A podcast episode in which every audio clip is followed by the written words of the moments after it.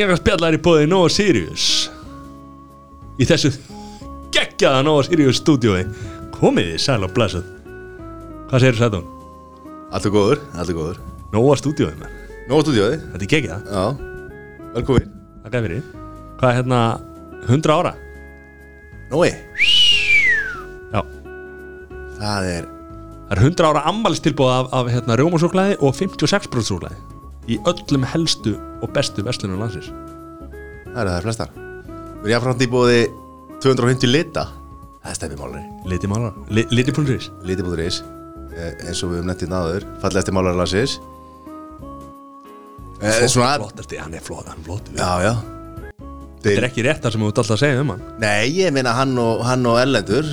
hafa verið að, deil, hafa verið að berjast um þetta sæti og Steppi hefur verið að taka það undanfærinar Já, því að, að steppi með hár, ekki alveg Já. Ok. Við erum jáfnframt í bóði ábyrrandi Ábyrrandi.is Allar merkingar Fánar. Væntalega var Herðu, ég sá- Það var örugglega stíf, stíf pönt, Stífa pöntanir, pantanir á, á íslenska fánuna Fyrir 7. júni Já. Og bara allir fánar. Ég skil ekki að hverju fólk er ekki að vinna meira með bara fána í garðin Það sem að fólk er með hérna, flagstangir Seta bara eitthvað svona logo þitt og fjölskylduðinnar Búið til eitthvað logo Family logo. Family logo. Svona eins og bara svona í gamla dag eins og í Game of Thrones þegar allar Það er það sem ég er. að áttu eitthvað, áttu eitthvað logo. Akkur er ekki fólk að gera. Þetta er ekki dýrt. Nei, sáu hérna, Skemmtilegt. það var verið að, verið að hérna, taka friðlýsa geysi eða eitthvað svona það var flagstöngin allt og lág. En það náðist ekki í, í fána sérfræðing hérna, ráðanitis til þess að vera þetta undir hann. En flagstöngin var svo lág. Þú vil þetta hún þarf að vera Þetta er, að byrja ógeðslega vel þessi þáttu herri, Björgur Bátt Gustafsson, gjör þér svo vel komið þið sjálfur þessu það, er, það er þessi Sjálfsagt fólk. Það er þetta þinn, þinn karakter að taka Jónas alveg á þetta en, en hérna, ég ákvað að prófa. Hvernig líður? bara ljómandi. Velkomin að fætur. Það gæði fyrir. Þú varst að tala um Björgvin Pátt Gustafsson að þú átt trúböð þannig að þú ert löngu vaknaður. Já, ég var líka þrjú lítilbönn þannig að hérna, þau eru hérna krefjandi um þessa mundur þar sem við erum að hérna, flytja mellir landa og fara inn í nýtt hús og svo ákveða að skipta líka um rúm og taka þau úr rimlarúmunum sko, þannig að við erum að hafa allt í baki núna bara þannig að að bæði kvöldin og mótnir eru svona Monticelli-singinu, ég er, ég er löngu vaknaður, já. En hvað, skiptir rúm? Er það orðið eitthvað Hvað? Já, alltaf, þið eru tvö. Við erum, hérna, þú veist, við erum þrjú börn. Einan sem er verið sjö ára, svo erum við tvíbar sem verið þryggjára þeir eru bara komin úr hæ, hættu ástand í rimlarúminu. Það þurfum að sér upp og svona þannig að við ákomum að fara í rúm sem að það geta klifrað sjálf upp úr og komið svona sem að gera það verkum að þau eru saman í herbyggju og æsa hvort annað upp ykkur öll kvöldu og hérna, þannig að það er alltaf smá hasar svona þegar á að fara að sofa þannig að hérna, það er verið að upplifa það að geta farið sjálf að sopna í, í sínum einn rúmum það er starra skrifum þetta vona þegar það er erfiðar með týpur heldur en eitt bat sko. Týpura, hversu oh, Hversu indislegt er þetta? Það er geggjað sko. Alltaf, fyrstu, fyrstu mánuðnir er alltaf í móði hjá týpur og fóröldrum held ég. Það er svona bara margt einhvern veginn að gerast og, og margt að hugsa um sko en svona þegar líður á það verður orðið tímbilar sem að þú veist, algjört gulla þau hafa alltaf einhvern veginn vini hvort öðru sko. Þannig Mm. hérna við erum alltaf sérstaklega tölum þessar tíma sem við erum að upplefa núna. Þetta COVID og dót alls saman, þá vorum við í fimm svona heimaskóla í hérna, Danmörku þar sem engin leikskóla, engin skóli sem að hljómar alveg hræðilega með þrjú lítið börn sko veginn og allt er í viðsynni skilu en það var alveg alls akkurat ekki þannig sko. Þau eru komin á þann aldur að þau geta leikið hvort annað og þú veit að koma upp hérna ágærningar sko en hérna, þessum aldur þetta verða þryggjara þá hérna,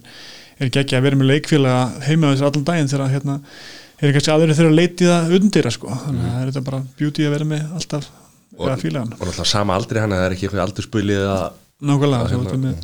að það er ekki eitthvað aldurspulið að nákvæmlega Það þú hérna- veit með En stór- líka- sem er að leiða leikin einhvern veginn sko. En líka eins og þér að vera líka eh, svona mikið erlendis. Bæðið náttúrulega búsettur og svo náttúrulega ferðast í leiki og, og náttúrulega landsliði og svona. Uh, hefur það svona hvernig er, hvernig er, er, er ideal fjölskyldulíf að vera árið síðan Þetta er ennlega kostur og galla sko. Það sem ég við, eftir að við ygnum við stýpuruna og það er að það kom í ljós að hún var, hún var ólétt að þá er henni ákváðu við henni að, að heita, fara aftur út. Því ég kom heim í eitt ár út í því að henni fyrst svona tvö árin með lítið börn og mennsku eru frábær. Því það ertu með pappa líka heima henni bara bara með deginum sko. Þannig ég fæ að upplifa, þú veist tímabilið áverðin að fara í leikskóla og fæ að vera hluta því þeim pakka sem er ekkert, ekkert svona þykir ekki eðlegt í svona eðlilegu lífi sko. Þannig hérna, það er beautyið en svo er það bara fjarlæðin þetta í útilegjum og landstverkefni og svona flakkið er svolítið svona sjómannslíf sko. Þannig hérna Þannig að það er þetta erfið parturinn en alveg er þetta erfið fyrir mig og fyrir þau sko. Þannig að hérna og hvað það verið konan að álega eksendla mikið á hana þegar það tala ekki um stormót það, mm -hmm. það er það alltaf ég ætla að hverf strax eftir veist, tvo mánuði að týparunu þegar það er gammal þá fer ég að stormót sko. Og það hafi mikil mig sko. Alltaf bara þú veist að vera það er eitt að delivera sem handbóltamæður og svo er að delivera sem pappi og það situr vel meir í mig þegar ég delivera ekki sem pappi það get ekki verið að stanna sko. Mm. og eins og fyrir því alltaf að vera, skipt, vera hérna sofa hjá herbyggisfélag og svo konundi skipti sko, rugglast einhvern tíman rugglast einhvern tíman ja, þú veist, vaknar skilur og hérna ert ekki alveg vissum hver er í herbygginu ég er alltaf sem betur fyrir að ég hef haft góðan herbyggisfélag síðust ár, Guðjón Valnur sko þannig hérna, hann er öllu vanur. Þannig hérna við erum þetta það er mikilvægt samband líka sko, það er ekki rægt af það en þetta er þetta, maður séur aldrei bildur heima á sér og rútirinn er alltaf best í heima fyrir og þessi stormótur hálf, hálf grillu þegar það kemur að því samskiptum svona herbyggi sko því að verði súrna og súrna með hverjum með hverjum deginum eins og heldur hjónum öll líka sko Já, besti vinnir á, fyrsta degi og svo verður það orðið helviti súrt Já, og svo fer þetta upp og niður og, en ég held ég enda bara að vöksu betur saman allir sem eru svona mikið með hverju öðrum hvort sem það er herbyggisfélagan eða, eða, eða konan því ég, ég, þessi 11 ári sem ég hattum með erldis er ég svo mikið með sko, að hérna, mm. við þurfum að þóla okkur annað allan daginn sko, þannig að það er þetta bara eitthvað sem að sem að hérna er, er, er geggja verkefni og líka svo það að það fari burtu þá úst, í, í svona verkefni þá fær maður líka sakna sem er held ég rosa hold og predikar líka fyrir bönnunum mínum það er mjög hold að sakna, það er kannski hold líka að þau eru að fara á leikskólan og, og langaði kannski ekki undirlega, það þýðir það sé líka gaman heima sko. mm -hmm.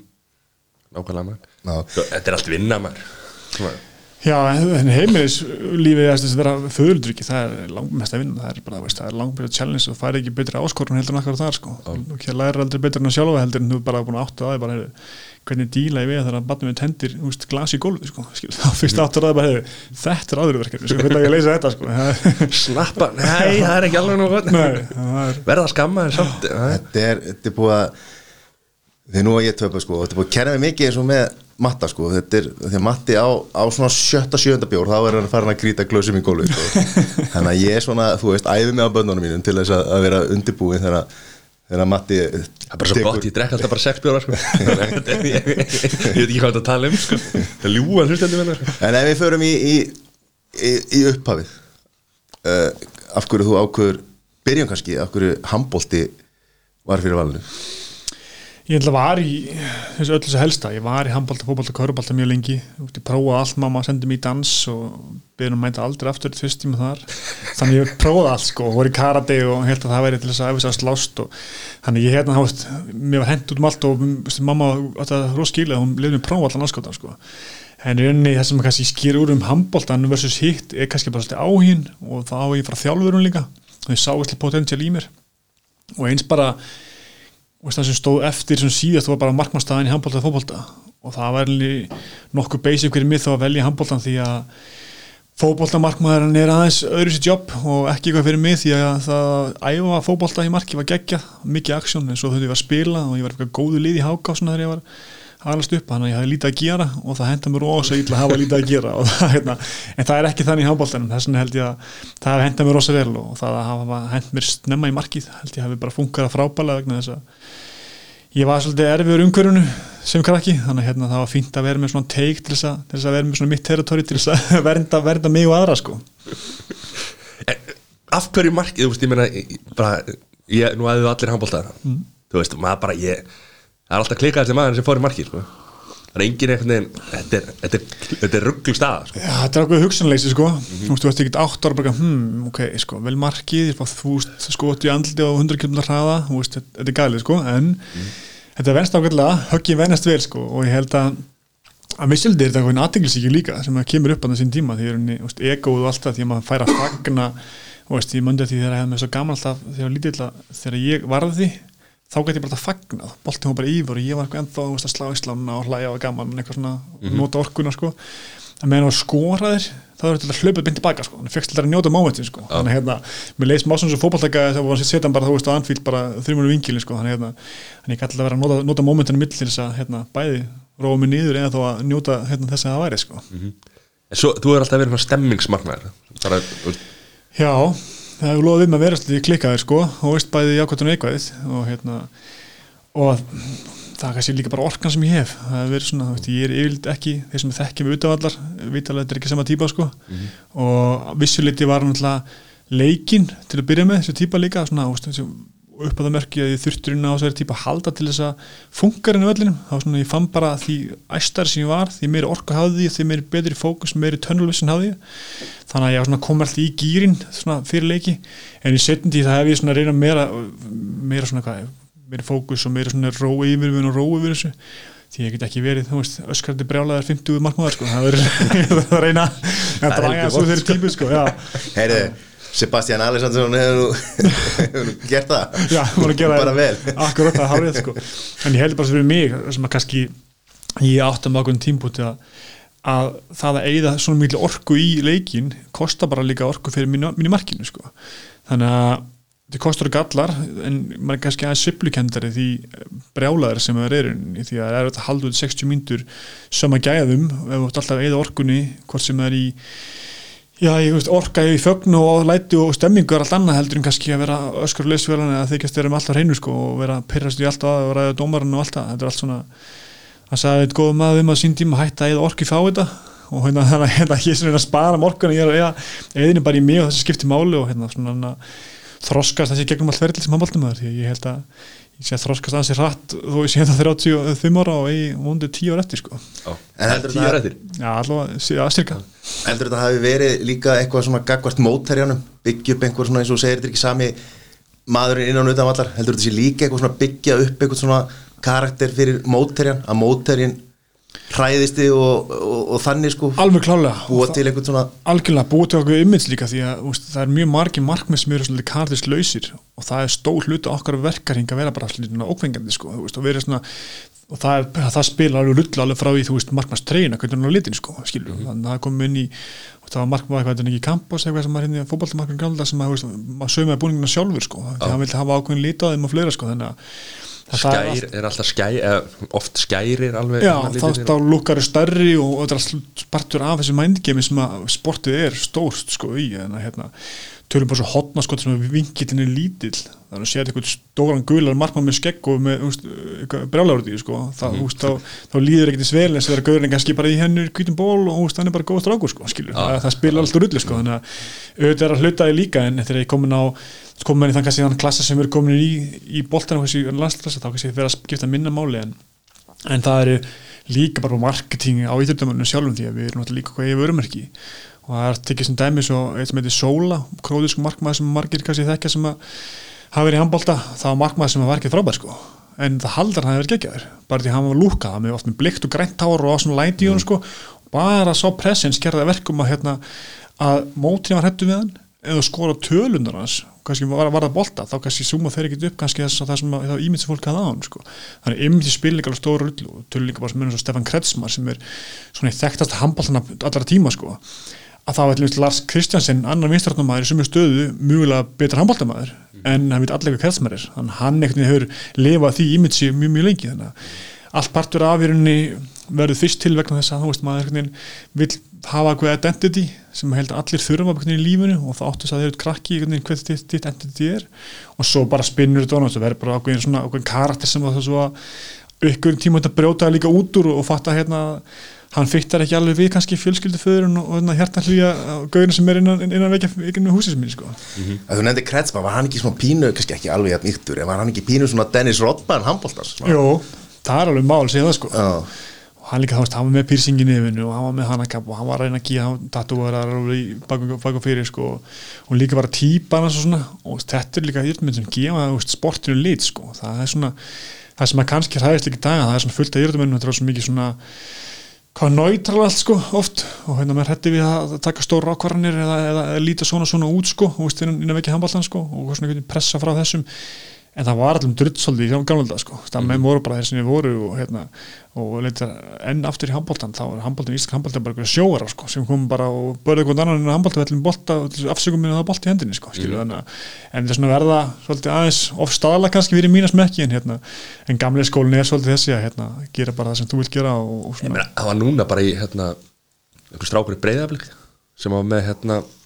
45 að að 45 bara, þú veist, það var bara kommentarkerri fór á stað bara og hvað, er þetta hérna pólamóti í Já, eigi með akkurat, eða, sjálfmóti hann er bara, hann er að gera þú veist, mér er þetta töf sko. Já, nákvæmlega. Gerði bara það sem þér langar. Þetta er svolítið til þess að standa sem sagt það er allir með sömu úr og, og líka að, að sko, það er allir í, það er bara tveir búningar á veldinu, þegar þú ert komið svona þá ert þú svolítið svona, setur reynda að pressa sjálfa þig líka að standa undir því að vera svona ábyrrandi en þú veist, það er bara eh, menn eða mikið lof skili að taka reyna að gera eitthvað svona Já, þetta er bara svona branding svo er þetta að fara á langt þannig þegar Pogba var að búa til hann að hvað var það, einhver emojis og eitthvað draslu kefti auðlýsingar á allt Old Trafford sko. Já, já. svo gæti hann ekki Jack City Nei, leikni það er sko. einn spurning að finna það sjálf sig hvað er distraction og hvað er ekki sko. því að ég ætla búin að vera og svo er líka persónumyndi sko, til og með mig því ég ætla búin að fá ég er búin að djöblast rosalega mikið með handbóltan og það er bara því endurlega orku og veist gaman að gera og þú veist bara að setja veist, um silver hárgjölið sem er galin hugmynd skilur en gaman er bara orku í staðin veist, það var ekki að taka henni frá mér. Veist, bara, veist, ég, bara, ég er að fá bara eitthvað hérna, geðið verkefni hérna, þetta er geðið skemmtilegt. Og það gefur mér auka orku inn á vellinu bara, eða, eða kringum að tala í krakka hvað sem það er, sko. Því að, annað er distraction eða ekki, þú bara finnir það sjálfum því að eins og ég fyrir mitt leiti, ef ég ætla að vera handbóltamæður 100% allan daginn þá bara keri yfir um, sko. þá bara fer ég að þú veist, greita mig, þú veist, að horfa á þúsund handbóltaleiki og er bara, bara heimskari við eitthvað, sko. þannig ég þarf, ég þarf alltaf þess mótvæði sem er bara marketing og alls konar drastlins að til þess að vinna mótið til þess að vera ekki gröita með of mikið handbólta og þá kemur koma svona hluturinn eins og markast að sjálfa þessi og gera eitthvað skemmtilegt og svona. En segi, það má, má gera mikið eins og Pogba það er að fókusin eða, eða Jesse Lingard sín tíma líka það, með, þetta sagði, gamli skóli Rói Kínu félaga voru alltaf líka virkið að drulla yfir þetta sko, veist, spilaði bara fokkin fókbólta sko, en þetta er þetta líka veist, partur af þeirra vörumerki og þeirra, þeirra lífi og hafa gaman af lífinu sko, því að að þetta þarf líka að vera gaman, það er svolítið mikilvægt sko. en svo náttúrulega svo,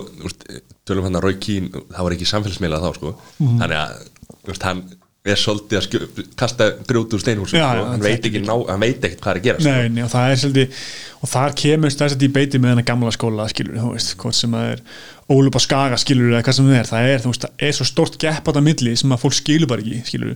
en við þurfum bara að finna hann að milli við því ég heldur sem of, þessi nýju skóla sem kannski ofægur og of einhvern veginn kassalaga, sko og sé líka bara bitna okkur í skólakerfum út um allt sko, en að við þurfum ykkur að finna hennan, hennan guttna meðalveg, sko, því allt þarf að fara í öfga til þess að svo finni, finni meðalveg þannig að hérna, það gera það en ég ég, sko. En eins og handbólta fólk í dag er þetta, er þetta hérna, tæknin betri en vantar svona hvað, aggressív og meiri svona hörku eða hvernig? Já, í rauninni það sem ég, sem ég sakna mest bara almennt síðan úr handbólt er bara í rauninni, bara að vinnu öðli sem við þurfum að hafa því að handbólt er þannig sport að það snýst bara um að djöblast sko. bara veist, að leggja á sig og vera svolítið svona ekki góð við sjálfan sig sko, því að það er eins og með bara handbóltamenn, þess vegna hef ég minni ágjör okkur íslendingum heldur en öðrum sko, því að við höfum söguna, við höfum fyrirmyndunar og það eru gæja sem að, veist, voru að djöblast sko, og voru all in því að það popp upp hæfileikar út um allt veist, hvort sem að það er Íslandi, hvað sem heita en það er ekki fyrir vinnuðælið og karakterina sem að kemur í ljós sko, því að vinnuðælið sem byggir upp karakterin og þeirra kannski fylgta hæfileikum og sjálfstörust en ef maður átti með verk að það vinnuðælið til að bakka það upp þegar það illa gengur, þá brotnar það bara sko. þannig að hérna, það sjálfstörstu alltaf líkist í þessu, þessu vinnuðæli og það er sem er ríkt í okkur Íslandingum og það er sem við bara, veist, bara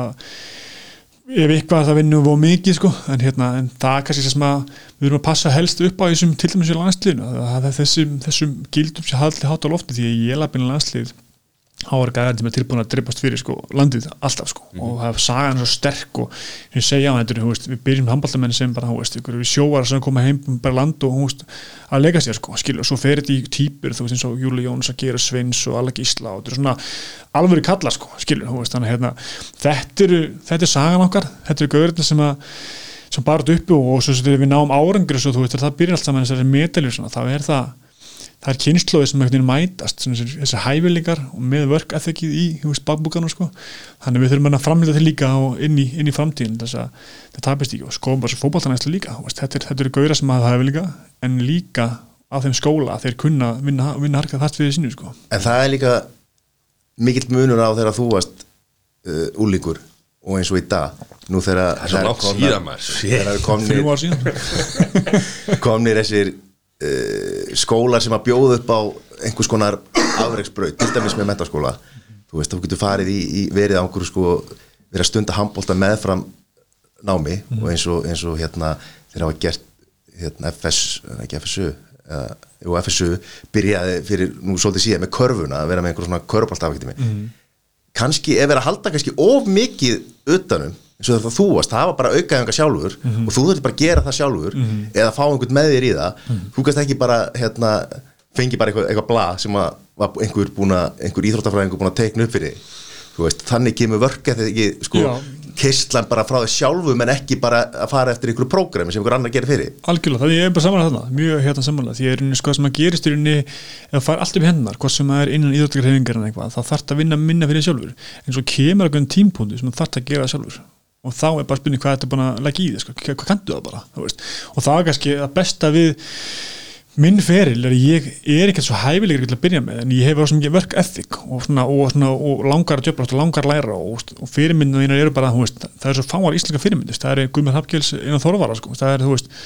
annars er ekkert mikil markmann saga á Íslandu ekkert margir markmanns þjálfara sem gáttu kempið margt. Þannig ég þurfti að leita út, ég þurfti að sjálfur í Tómas Svensson og Svíjana og, og að skoða netinu og djöblast og kíkja til NBA hvað er að gera þarna? Þannig að það kendi mig það alltaf en þá í dag, dag er ég að skoða alla vinkla. Og það held ég líka, við tölum bara um þess að ramma hvað ástæður við Íslingar hvað sínum öflið því við erum, við erum lítil eiga, við þurfum að skoða kringum við þurfum að skoða allt hvað er að gerast kringum hvað er, veist, við vitum hvað er að gerast í NFL og NBA, við vitum hvað er að gerast í íska bóltan í handbóltanum, við erum að taka þetta besta frá allum og það missir alltaf þennan eiginleika að vera leitandi að því til að hámarka sjálfa þig með því að fá allt um hendina sko. þannig að það er þetta eins og kom alltaf upp típur líka sem að kannski, þú veist, vilja gera það sjálfur en inn í endi er þetta líka bara veist, uppbeldi og alltaf stór hluta þess að þurfa að hafa fyrir því og það var nú alltaf að vera að tala um um fótballtalæðsli, þú veist að hérna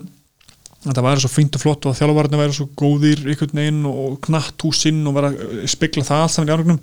en horfður hann í grunna sem gaurum sem aðrun einari sko, það var ekkit knatthúsi sem að bjarga honum sko, það er alveg klart sko Ég held að það sé ofmeti sko að, að ég held að þessi knatthús er að gera okkur að sko meiri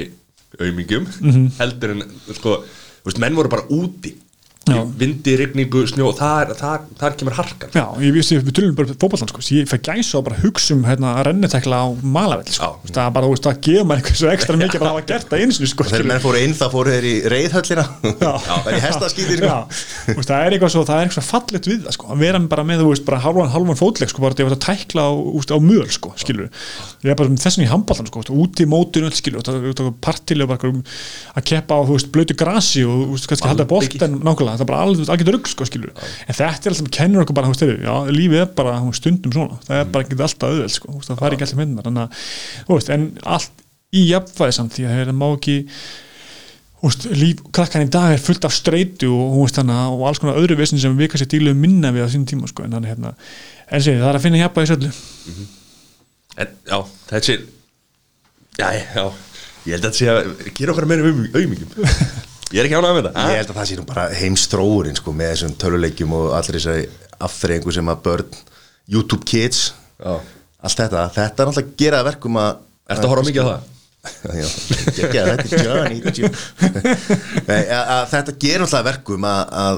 börn fara ekki út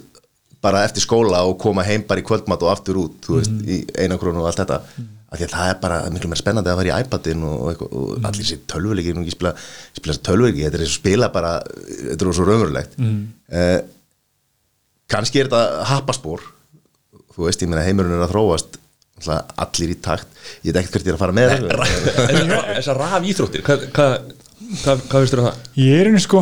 ég er mjög sko, teknin er svo geggju sko. Við getum notað hann svo margum hátt. Er einu, tökum bara þess alltaf að tala um símana og streyta, streyta, streyta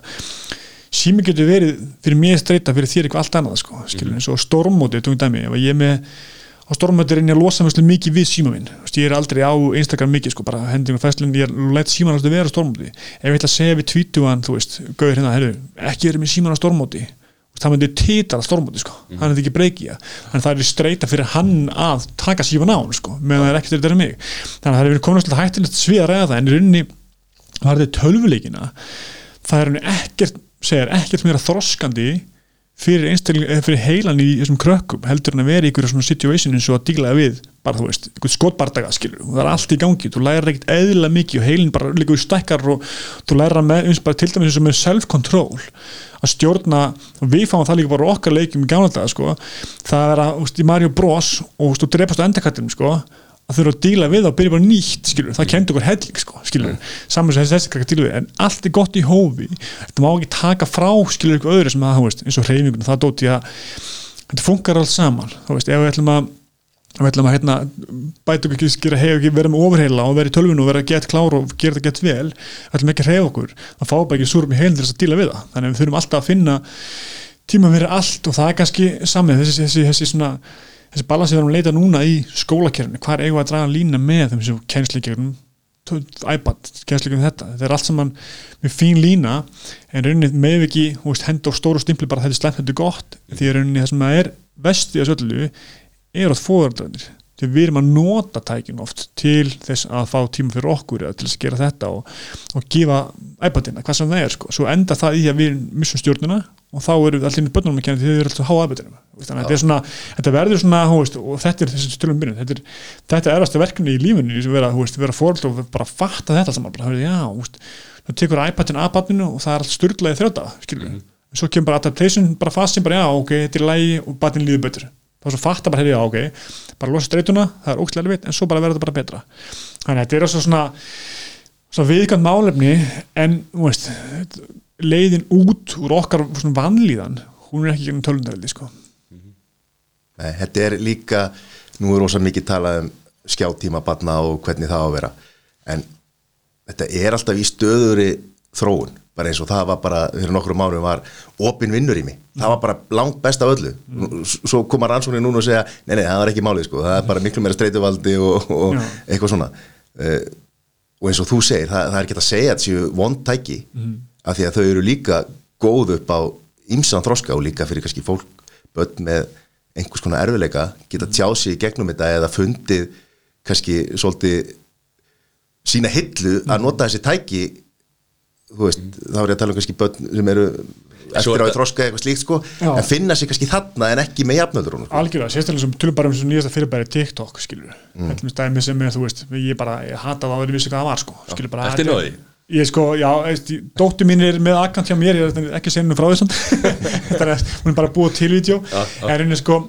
það sem að þetta gerir fyrir sumböð sko, þú veist, krakkar sem bara þú ekki að tjá sig er alltaf að að posta vídeo á þessi dansa og læra ekki að dansa og búið til náttúrulega koreograf og það er bara geðvitt fyrir virknu, til dæmis sótkunni okkur. Við byrjum að nota þetta, eða byrjum að hérna, leifa að vera með þetta út af því að ég var að fylgjast með eldri krökkum skólum í Danmarku og fylgjast með Stönssonum og, og drepa tímaninu því hún var í gifsi í sótkví sem er ekkert ideal sko. Þannig að hún var bara að læra að dansa og gaf henni geggja mikið sko. En svo er þetta komin í dark side sko. Þá er þetta komin í eitthvað svona skroll bara fann að skrolla skilur miljón sinnum á mínútu og heilin bara ræður ekki við það sko skilur þannig að það bara þannig komið út alltaf eiginlega með tvær hliðar saman pinnum sko. Þannig að hérna saman sem bara með Instagram sko. Instagram getur geggjað meil sko og svo getur bara sko terrible bara á sama tíma sko skilur þannig að ef við talum bara þú veist það ímynd sem fólk hefur af lífinu hérna á Instagram en saman sem að sem hefur mig Instagram er geggja fyrir mig því að það af krökkum sem leiða til mín í gegnum Instagram. Bara í gegnum skilabóð og geta svona haft áhrif á þeirra líf þar í gegn er bara frábært sko skilur þannig að þetta er, þetta er hérna það er alltaf sko, það er tveir, tvær hliðar öllum, öllum já, svona- algjörlega sko, þannig að þetta er alltaf all spurning hvernig náum að vinna með þetta því að það þarf að finna, finna balansin sko. Að því að við erum að tala um TikTok ef við þá ekki að gefa sjátt á, á mann sem er að gera vel á TikTok? Jóhann Gunnar Einarsson, rosalega vel það er bara það er, máurðinn Já, hann er að gera rosa vel og hann er, og þannig er komið með annað dæmi sem er hérna fjölskylduföður sko, hann er hérna stelpan hans er að draga hann í alls konar rugg sko, dansa. Ég er að missa þessu sko, ég er ekki hann inni. Já, þetta, er- minnst, þá ertu komið með þú veist, fjölskyldutengslin og þannig ertu komið bara, hefur, gerum þetta gaman, gerum þetta saman, þetta er gaman og, og nú er stelp mér fann að draga mér alls konar svona, þú veist, ég þóldi ekki hana með fyrst sko, þú veist, bara að haldum frá hann en svo fylg sem að gleina bakvið að gera eitthvað vídeo, dansa og hérna og allt það, en svo kikkar inn like og eitthvað, þá fer það svona, ah, það kemur dagsett líka. En, en, en allt þetta er ekki í- fleiri like? Og akkur ekki svona? Já, og akkur já, ekki þetta? En og, það eru bara stór hættildur að koma aldrei með 60 ára batt sko, þannig að, finna þessi línu bara, heyrðu, þú mátt gera vídeo en þú veist, það er eitthvað limit og svona uh, setja eitthvað takmarkan sko. þetta er svo, þetta er svo eins og varst að tala um á hann með hérna, kannski ungan mann sem er að koma á stórmút Mhm. hann setur inn einhverja fæslu veist, og svo er hann bara að býða eftir hvað er komið mörg leik, þú veist, ég líti að fá fullt að leika hérna, ég er í landsliðinu og þetta, þetta, þú veist, þá ertu komin þú veist, ef þú tekur síman á hann þá ertu í alvöru vesinn Ég voru líka með það síðasta móti við erum að nú sem í andgöri sinna sko, að hérna, gera grína þessu sjálfur sko, og það er hann að búa að fá ratio og er hann að gera þú veist svona leikur að post og tjekka hvað gerist og svona, svona, skoða hvað það mesta feedbackinn og, og láta einn leikmann að bústa hann svolítið upp sko, Kári Kristján var síðast ætlum hann að keira hann aðeins upp því hann er svo ógeðslega skemmtilegur, þú veist svona karakter og mikið típa sko, það hann að allir að bústa hann skil hans miðla og það, það verður svona ákveð- ákveðin leikur úr sko. Ætlaði að keira bara upp í Rúri Gísla eða upp í miljón hann er ekki alveg með lukki í það, því miður. En hann er með sko mikla, mikla hérna magna hæfileika sko, sem verður að koma í ljóst núna sem stöðu sport sem er að taka hann bara inn því það er bara basically það sem hann er, þú veist, geggjaður í sko hann er svo, hann er svo skemmtilegur og var í bílskotum skúrnu hjá sér hann nákvæmlega, þú veist, þannig að þetta er og þessi gæja á bara, þú veist, hafa sér einu plattform sko og samfélagsmiðlunum geggjaður fyrir það og hann er svona gæja sem vill ekkit mikið vera að tróða sér fram með að vera aðtíli þannig að fólk þarf að draga hann inn í eitthvað sem þeir eru í stöðu sportskil og við vorum alltaf að draga hann í það En við sko. þá, fyrst að við erum að tala um þetta og, og kára í skúrnum, hvað, við fengum spurningu. Ok. hver er uppáhalds hérna sérfræðingurinn sérfræðingurinn í, setnibilginni alltaf eh, ég verða að að máum minn sko Jón Gunnar Einarsson, það er alveg Já, en ef að hann er Tess, ekkert að hlusta eh, þetta er ennlega sko ég er, sko, Lóði Gersson er þetta mínum uppáhalds karakterum bara allra tíma sko, og hérna, góðu vinni minn og hérna, þannig ég hef ég er svo hrifin að þessum þeir ekki að gera sinnumbyggin er hérna, þessi þetta mótvægi sko hérna, þá sem sérfræðingum spekingum og svo bara gauðra sem eru ógeðslega skemmtileg líka sko, og kunna bara hérna, vera sjómasvanir og flóttir sko, hérna. Þessi spurning kom frá okkur Jóhann Gunnar Einarsson. Já, en- en samt mikil eftirsjá af Tomma því að hann var náttúrulega frábær sko. algjörlega sko veist, hann fekk svolítið svona, já, geggja plattform sko því veist, það er ekki mægst sem vissu hans handbolta sögu, þú veist, það var svona hann, hann, hann var ristur djúft sko, Markmaður markmaður sko, minn varamarkmaður sko að sín tíma sko, þannig hérna þannig það var aðeinslega að hafa hann líka og hérna, þetta er þetta hvar var hann varamarkmaður þau? í Viking Já, ok. hjá, hjá okkur í, okkur þegar vorum, hvað hvað ruggla það að fara í víkin? Það var í rauninni Hann vildi spila með þeim bestu á sín tíma. Og þar var ég. Sko. þetta er náttúrulega alltaf hérna háká sko. ég ætla að býja sko, ég ætla að segðu bara að þetta verður bara mistug mín saga sko er svo að ég er eiginlega helst hvergi sko. Það er svona mín stærsta vandamál því er sko. Ég er badd sem að flytt mikið. Um, bí er búin að búa í Kóbóin held ég bara veist á öllum stöðum líka við sko. Öllum hlutum Kóbóks, öllum til eru mikið af flutningum þannig að flakki var ansið mikið sko. Þannig hérna og það tengdist meira því ég var alltaf að flytja sko. Og hérna og, og fósfóðurinn er ansið náld Kóbóinum hann ákveðin sveði sko. Þannig hérna það var bara henduast á. Og svo, þú veist, örglega eitthvað veisin líka með áka og allir villingar fá þetta sko og fatt ekki að ég væri fátin þannig að hérna tók ég og Gunni Magg tók mig þá yfir í Viking og hérna síðan maður til, það gekk ekki betur en það að hérna, ég er lindun í slagsmálu við eigin liðsfélag í Viking á þessum aldri. Heyrðu, ég var nú í, í þessu liði þarna, hvað, ég man ekki til því.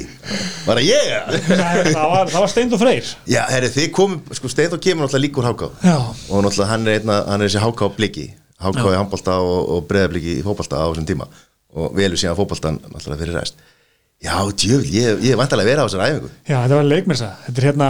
þetta er sko þetta er alveg magna því ég og Steinþór erum svona æskuvinir við byggum í laga, ammas og bjóðum saman blum blokk og ég og vorum svo mikið körbólta alltaf í fótbolta og vorum svona bara æskuvinir sko. Og við finnum saman í, úr háka og í Viking sko, tökum það ákvörðin og þetta er sérst leikur sem að ég er að kasta boltana fram og við erum bara krakkar sko, pingulillir ég kasta boltana fram og, og hann grýpir ekki boltana mér og semst ég fara að kalla á hann þetta hljóptu ín á hratt sem er bara gali því að Gauri var ekkert eðla hraður sko, hann bara vann einhver fram sko, megar ekki að segja sko og það bara fekk ég bara, nei þú kastar það fast. Nei þú hljópst og hljópst og hægt og þetta debate enda með því að okkur lendir saman og bara liðsfélagar slást og, og, og þjálfa, eða dómarinn er rekur ykkur út af eða sko, byggðu Gunnar Magg um takkur út af og hérna og sérst rekna út af og, og Gunni Magg var svo þjálfara minn í haugum og landsliðinu og samt segir hann þetta sé eitt eitt skringirast erfast moment hans þjálfara ferli að díla við þetta. En þetta segir svolítið mikla sögur svona hvernig já, hvernig minn handbóltafell byrjaði sko, því þetta var, þú veist, það var full, fullt af orku og fullt af ego og sem þurfti að komast út. En, en strax svo ég varð góður í handbólta og fekk svona það svisla sem ég taldi mig þurfa að þá getið minkað ego og þurfti að slást minna og þurfti að sína með minna sko. og, og kannski Steinþór af því að hann náttúrulega var bara svo raketta og var í, í vinstra hóðinu hann kannski undirbjóði fyrir Guðumal Já, það var þeir Guðumal Þetta kom einu maður sem að hljópnu og rætt til að grípa bóltan loksins. Ég veit að ég satt vilja að sjá Steinþór og, og Guðumal í, í, í sprettlöfi Já, þetta er enda sko að saga mér um Guðjóns alltaf er, þú veist, fyrir herbyggisfélag er alveg, þú veist ákveðin svona tengsla milloka því að þú veist, sport er svo skrítið, það er eitt að vera hæfileikarík og eitt að vera, þú veist, með vinnu eða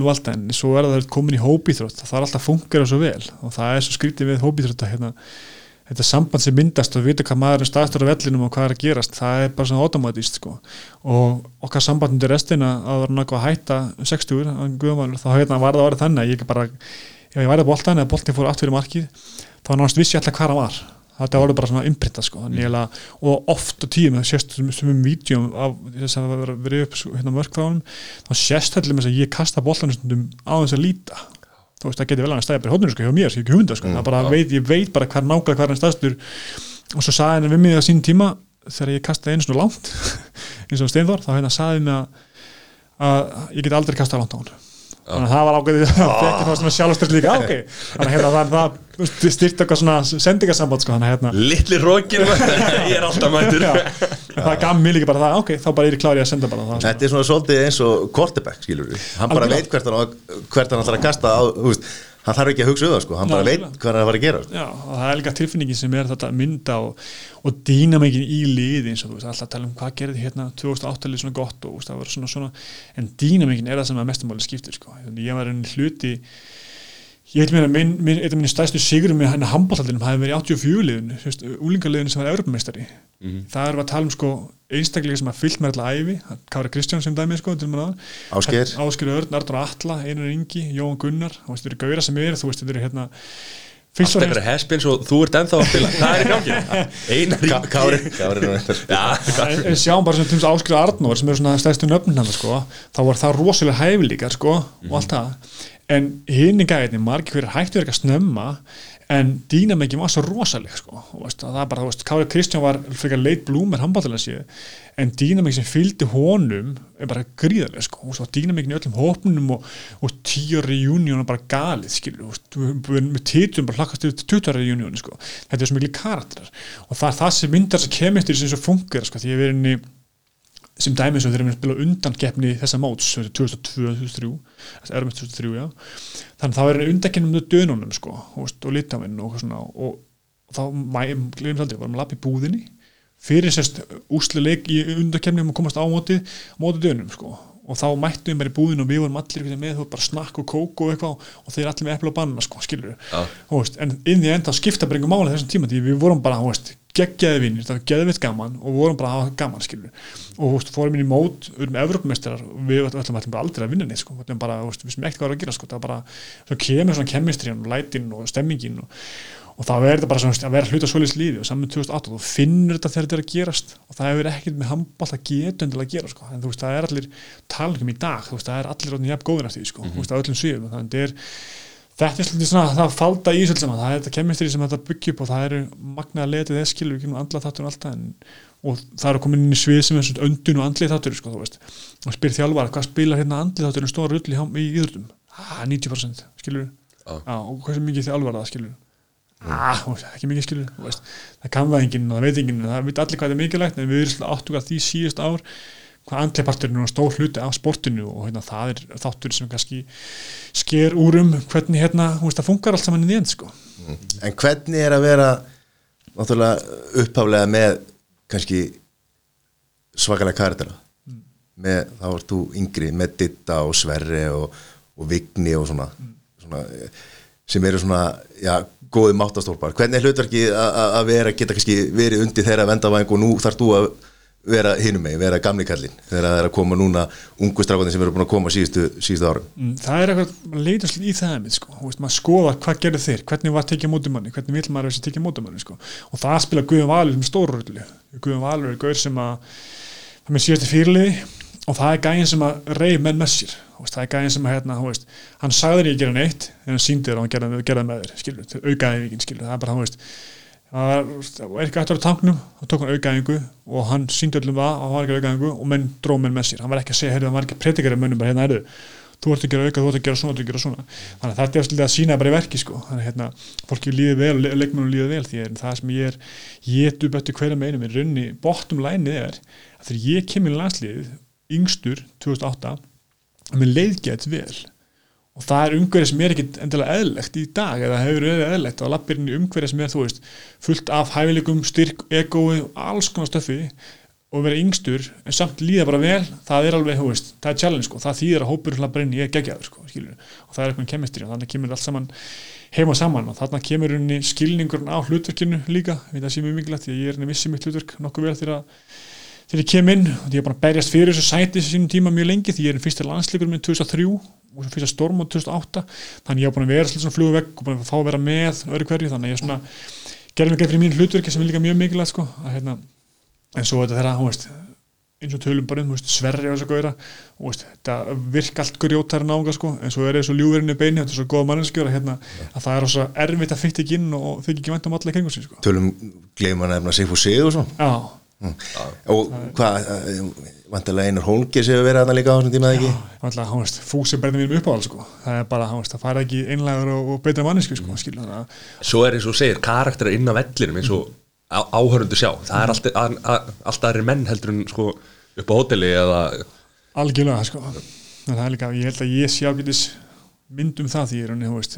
fólk heldur að ég get ekki tala hægt, sko. Fólk heldur bara að ég sé alltaf skilur, en það er bara, veist, það er bara sportið og eftir leiki, skilur, að ná sér niður og, veist, það er að fara í viðtal eftir, þau ekki fjögur skot í hausinn og, púlsinu 200, sko. Það er er ekkit grín að tala er, hægt, sko. hvernig er það að taka viðtöl strax eftir til dæmis tapleik sko? Þú veist það er bara komið, kemur bara íþróttaferðum að hvað, akkur var ekki fleiri skot? Búm, mækin í andlitið. Já, það er, þú veist, það er líka sem er svolítið svona leiðildin tími í dag er að það sem hefur gerst síðustu ár er að við til erum dref leiðileg, sko. Út í að við erum sem meðvitað um sjálf okkur, við erum að segja réttu hlutina Þegar menn gerðu mistök strax og, og sögðu bara það sem þeir voru að hugsa Já. og þá voru tekni bara á jarða að sko. Og það er kannski líka beauty eins og við hlaðvarp, skilur, þú færið eitthvað einn ramma til þess að opna, einstaklingin og hann segir bara, og þetta er svona á þannig stað að þú bara finnur þetta og vilta, skilur Mhm. en þú segir bara, þú veist, ykkur drullu á rúf, það ert bara vondum mál, sko, skilur, það er allir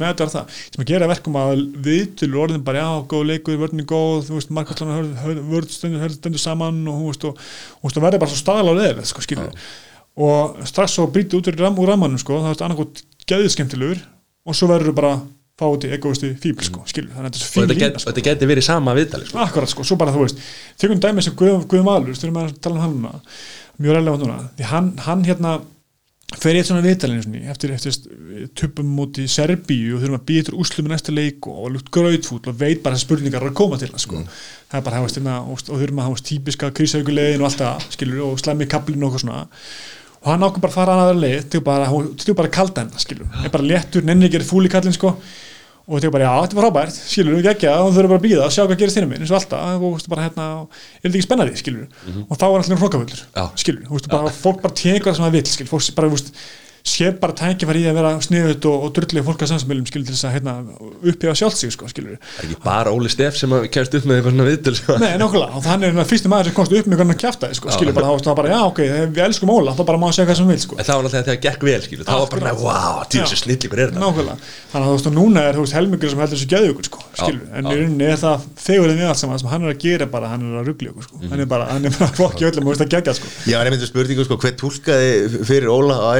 sko, sko, sko, sko, Óli segir eitthvað og svo er einhver að segja það sem hann er að segja. Við ætlum að gera þetta svona, svona. hann er bara var, þegar hann var að spila, það var hann ákveðin að síja á sér sko, og það var svona værið herbyggi sko, og næði svona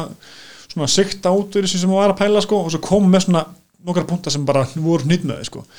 en í dag er svolítið fólk að fara en að fara í fleiri svona löngu vittul sko, hann er að grauta fólk alveg í tætli sko, það er ég held að hann, hann fyrir hlægandi hindi sín algjörlega sko, þetta er, það er pointið með að sjá hann að sjokkara og bara smita á sig gleði sko, þannig hérna, Og þessi húa hluta því sem hann hefur verið með. Ég sé hann þetta á nýbilaveru með þessa húu sko. Að gegja. Það er bara, veist, hann er, ég heit hann í daginn þá var hann með svona fugg, blási fugg bara trubla fólk út um allt sko, satt á kaffúsum sko, bara mjög léttir sko, og allir er bara gaman að því. Þannig að hans markmið er bara að nást og hann er bara að smita, þú veist, gleði og ánægi sko. Er hann að fá sér eða? þetta er umlega, en það er spurning hvað ætlar að fara veist, hvað ætlar að gera við aðteglina, hvað ætlar að nota í sko, eins og þú veist eins og tölum að, þú veist, drulli við samfélagsmiðlum með eitthvað, þú færð það er að búa til eitthvað identity og þú stjórnar ekki á sjálfur skilur, þú veist, ef þú ert neikvæðan kallinn ert eitthvað eða sem bara segjum bara með svartan humor og hendi á Twitter og það er góður undir til þér þá ert bara líkvöldur að gera aftur skilur, og svo þá bara þá er þitt identitet svo kannski bara Facebook að segja eitthvað sniðut og skemmtilegt og allir peppu um það, það er komið tvö, tvö identity, bara þú meðið, ég er skemmtilegan á Facebook og ég er hérna þessi eitthvað á Twitter sko. og þannig verður Twitter sem fyrir til að það er frekar gróft og leðilegt og þá, þá einhvern veginn verður það til að þetta er svona smið og ég bara á að haga mig svona hér sko. þannig að það verður eitthvað hérna setja ég elsi konu minn á Twitter sko, þá bara það er bara skýt sko, skilur, þannig að þetta er allt spurningum hvað identity vilt að hafa og svo er henni skapar umhverð þessu líka sko, Dregur í, já. Sekkur inn í það sko. Sekkur inn í það. Uh, Herbyggisfélagi, nýr Í landslið já, hér er það maður, það verður flóki sko, það er nefnilega ég var, síðast var ég með elvari það var, hérna, það var svona skjermtengin sko, þannig að það geti vel skeið sko þannig að hérna, við vorum síðast stormóti þannig að alltaf síðast stormóti var stöðri síðan Guðjón Valum var alltaf einn í herbyggi á óttala þannig að hérna, hann var elstur þannig að hann tók það sem var einn og hérna, þannig að ég var með elvari elvari síðan sko, þannig að ég þarf eitthvað að ræða af hann hvort það samband halda áram, hvernig hann þóldi það sko þannig að hérna, þannig að ég er þessi vandamáli, er svo rosalega gamal sko, miða við eina sko að hérna, en hérna, það verður- spennandi að byggja upp eitthvað nýtt, ég, ég ætla hann að ég ætla hann að tóra eitthvað tíma á þetta lengur þannig að hérna, ég ætla ekki að vera svona Vill maður ekki vera einn í herbyggið? Það er ekki bóðið sko, ég, þetta eina skipti sem ég var einn í herbyggi þá fekk ég taugafallna. Já, það var þegar Guðjón Valur meittist fyrir síðasta stórmót undan þessi að þegar bókin var til sko, þannig, hérna, þá krassaði ég þar þannig hérna, það er, það er frábært ákveðnuleiti en hættilegt öðru liti sko, að fá ekki, að að tjá sig og bladurum og hérna, allt sem er í gangi því að stórmót eru í handbólta er eitthvað sem að fólk skilur ekki alveg sko, því að það, fólk heldur sé leikur. Og veist, það sé bara eitthvað húlum hæ og, og veist, að leikur í handbólta á móti veist, við erum öðrum löndum og æðið sko, skilur, en handbólta stórmót er eitt mesta álag sem að finnur sko, því ég er nú búin að upplifa ansi mikið álag mín, mín ferli með mín börn og með mín handbóltaferlil og það sem ég hef lagt á mig, veist, ég var hérna með hérna, allt sem ég hef öllum í merkefni sko, en, en handbólta stórmót er, veist, þú vilja bara lappar inn á hótel og stórmóti og slekkar á helnum aður og svo bara ertu bara, veist, að djöblast annarkvort í videofundum eða að næra þig og þú veist, þið langar ekkert í spagetti bólunleins 12 daginn röð, sko, en þú bara þetta skopla í því, skilur, þannig að allt var því að næra sig og, og hérna, sofa og ná að delivera svo fyrir land og þjóð bara, þú veist, með tekja þetta millibili er ekki djók, sko, þannig að hérna Alistair Pettersson talaði um þetta síðast stórmóti líka þetta er, hérna, þetta er ekki tilvílin, sko, árangur er ekki tilvílin og, og hérna, það sem er að bakvita saman því að, þá voru sér ekki köttið út en hérna, hérna eins og með eitt leikmaður landsli sem að sem, að- sem hörðu við mínum uppáhald sem að hérna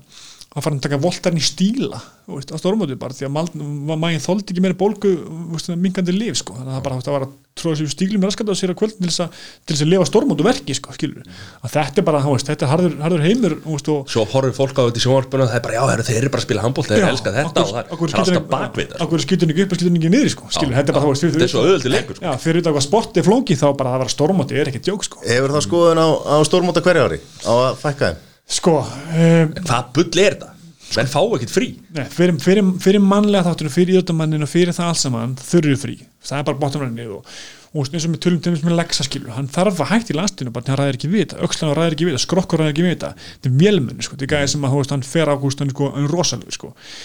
en skrokkur bara gefur sig, þess að erum mændur á stormút, með að stormút á hverja ára með hafandi leiki álag bara eitt stormút getur cirka svona þrjá, fjóra, fimm mánuði aftan af ferlinum sko, skilur mm samt eru allir bara að fórna bara, hú veist landslið, landslið, landslið, einast janúar þó þau vita bara að end í end er þetta svona þrjú, fjör ára ferlinum sko, skilur það sem er, að þetta er aðdina hjá mönnum sko. þetta er atvinna sko, og, en landslið er ekki atvinna hún veist, mm -hmm. enga peninga fyrir það skilur og hérna, hún veist, gaman að grínast með alltaf í- þegar við með hvað fengum fyrir olimpíusilfur sko, þú veist, ekki krónu, skilur það er bara, þú veist, silfur olimpíuleikum það skiptur okkur engum máli, þetta er ekki fyrir, fyrir peningandi fyrir þjóðina, en það sem að hitt debata móti þess að hafa stórmót á hverja ári er bara svo ógeðslega mikið fyrir sportu okkar skilur, ég sé þannig ég vil hafa stórmót á hverja ári út af því að ef hóðum bara handbólt yfkanu í Íslandi skilur, það kemur bara búst, bara bam, bam, bam í hverjum janúar, tökum við janúar annað ár, hvað gerist, við veitum það ekki, mjögulega bara bara fækkun í handbólta, skilur þannig að við erum svolítið að fórna okkur í þennan pakka, þessi kynslu að vera djöblast, skilur, það bara kostar okkur þú veist, þú veist, það geta kannski ekki að labba til fyrir og allt það, en það bara að vera að hafa það fyrir mér. En auðvitað, þú veist er þetta of mikið ála, of mikið á manneskjuna lagt en við samt handbóltin er ennþá í massa sók sko, það er bara áfram tölu bara frá Þískaldi og Fraklandi bara síðust ári, það er bara gali sko, það er bara Þískaldi horfa úr þýsku dildina og bara fara að jafnast á fótboll en þýskaldildinni sko, þú veist, að og það er- líka með meistaradildinni og Final Four Akkurat, akkurat, og það er alltaf þess að líka sem það sem ég treyja alltaf eins og þessu COVID ástandi alltaf bara, alltaf bara verið búin að færa núna Final Four helgina sem þetta verið núna fyrir síðast tímil aftur sko, sem er bara gali koncept en þið verða bara að gera þetta, bara út af peningum því að handbóltin er bara svo lítið peningum í þessu sporti þannig að þeir verða bara að halda því gangandi og eins bara áhugin ef við verðum ekki að fá þessi leiki þá byttar svo svakal á handbóltan því að handbóltin þarf að vera svo relevant sko. og Jan verður svo geggjaðum mánuður líka fyrir tala ekki um Ísland, fyrir utan allt annað skil, það bara, þú veist, það að labba eftir jólinn og aftur, þú veist, þegar allt þunglindi skellur á bara, myrkrið og allt vissin, að það fyrir okkur að geta í hverjum janúar, bara verið veist, bara vonin og hérna líftina fyrir fólk bara þess að horfa á hvað hafa gaman er bara það sem við líðum fyrir, sko. Og það er sem maður vakna upp fyrir, maður, þú veist, að horfa á, veist vakna 5-4 nótnil til að horfa okkar, okkar handballtæki í Japan, skilur þau eru bara að keppa á hám, bara einhver móto, bara, skilur veist, þetta ristur svo djúft hjá okkur. Þannig að ætti að vera að taka þetta út og verða annað ár gæti að fara að fokka í þessu sko en En væri ekki þetta annarkvært ár þá betra þegar menn koma út kvildir ég, ég, Ég spyr, sko. já, en þú veist þá er komið annarkvært ár álag, annarkvært álag ekki álag sko, þá er komið smá annar flækjumund en þú veist, í rauninni er það og það er kannski líka núna það er svolítið um fegur að sjá hvernig menn handballum er komið undan þessu ástund sko, því að það er svolítið annað að vera kannski bara köruboltamaður, hérna kannski bara.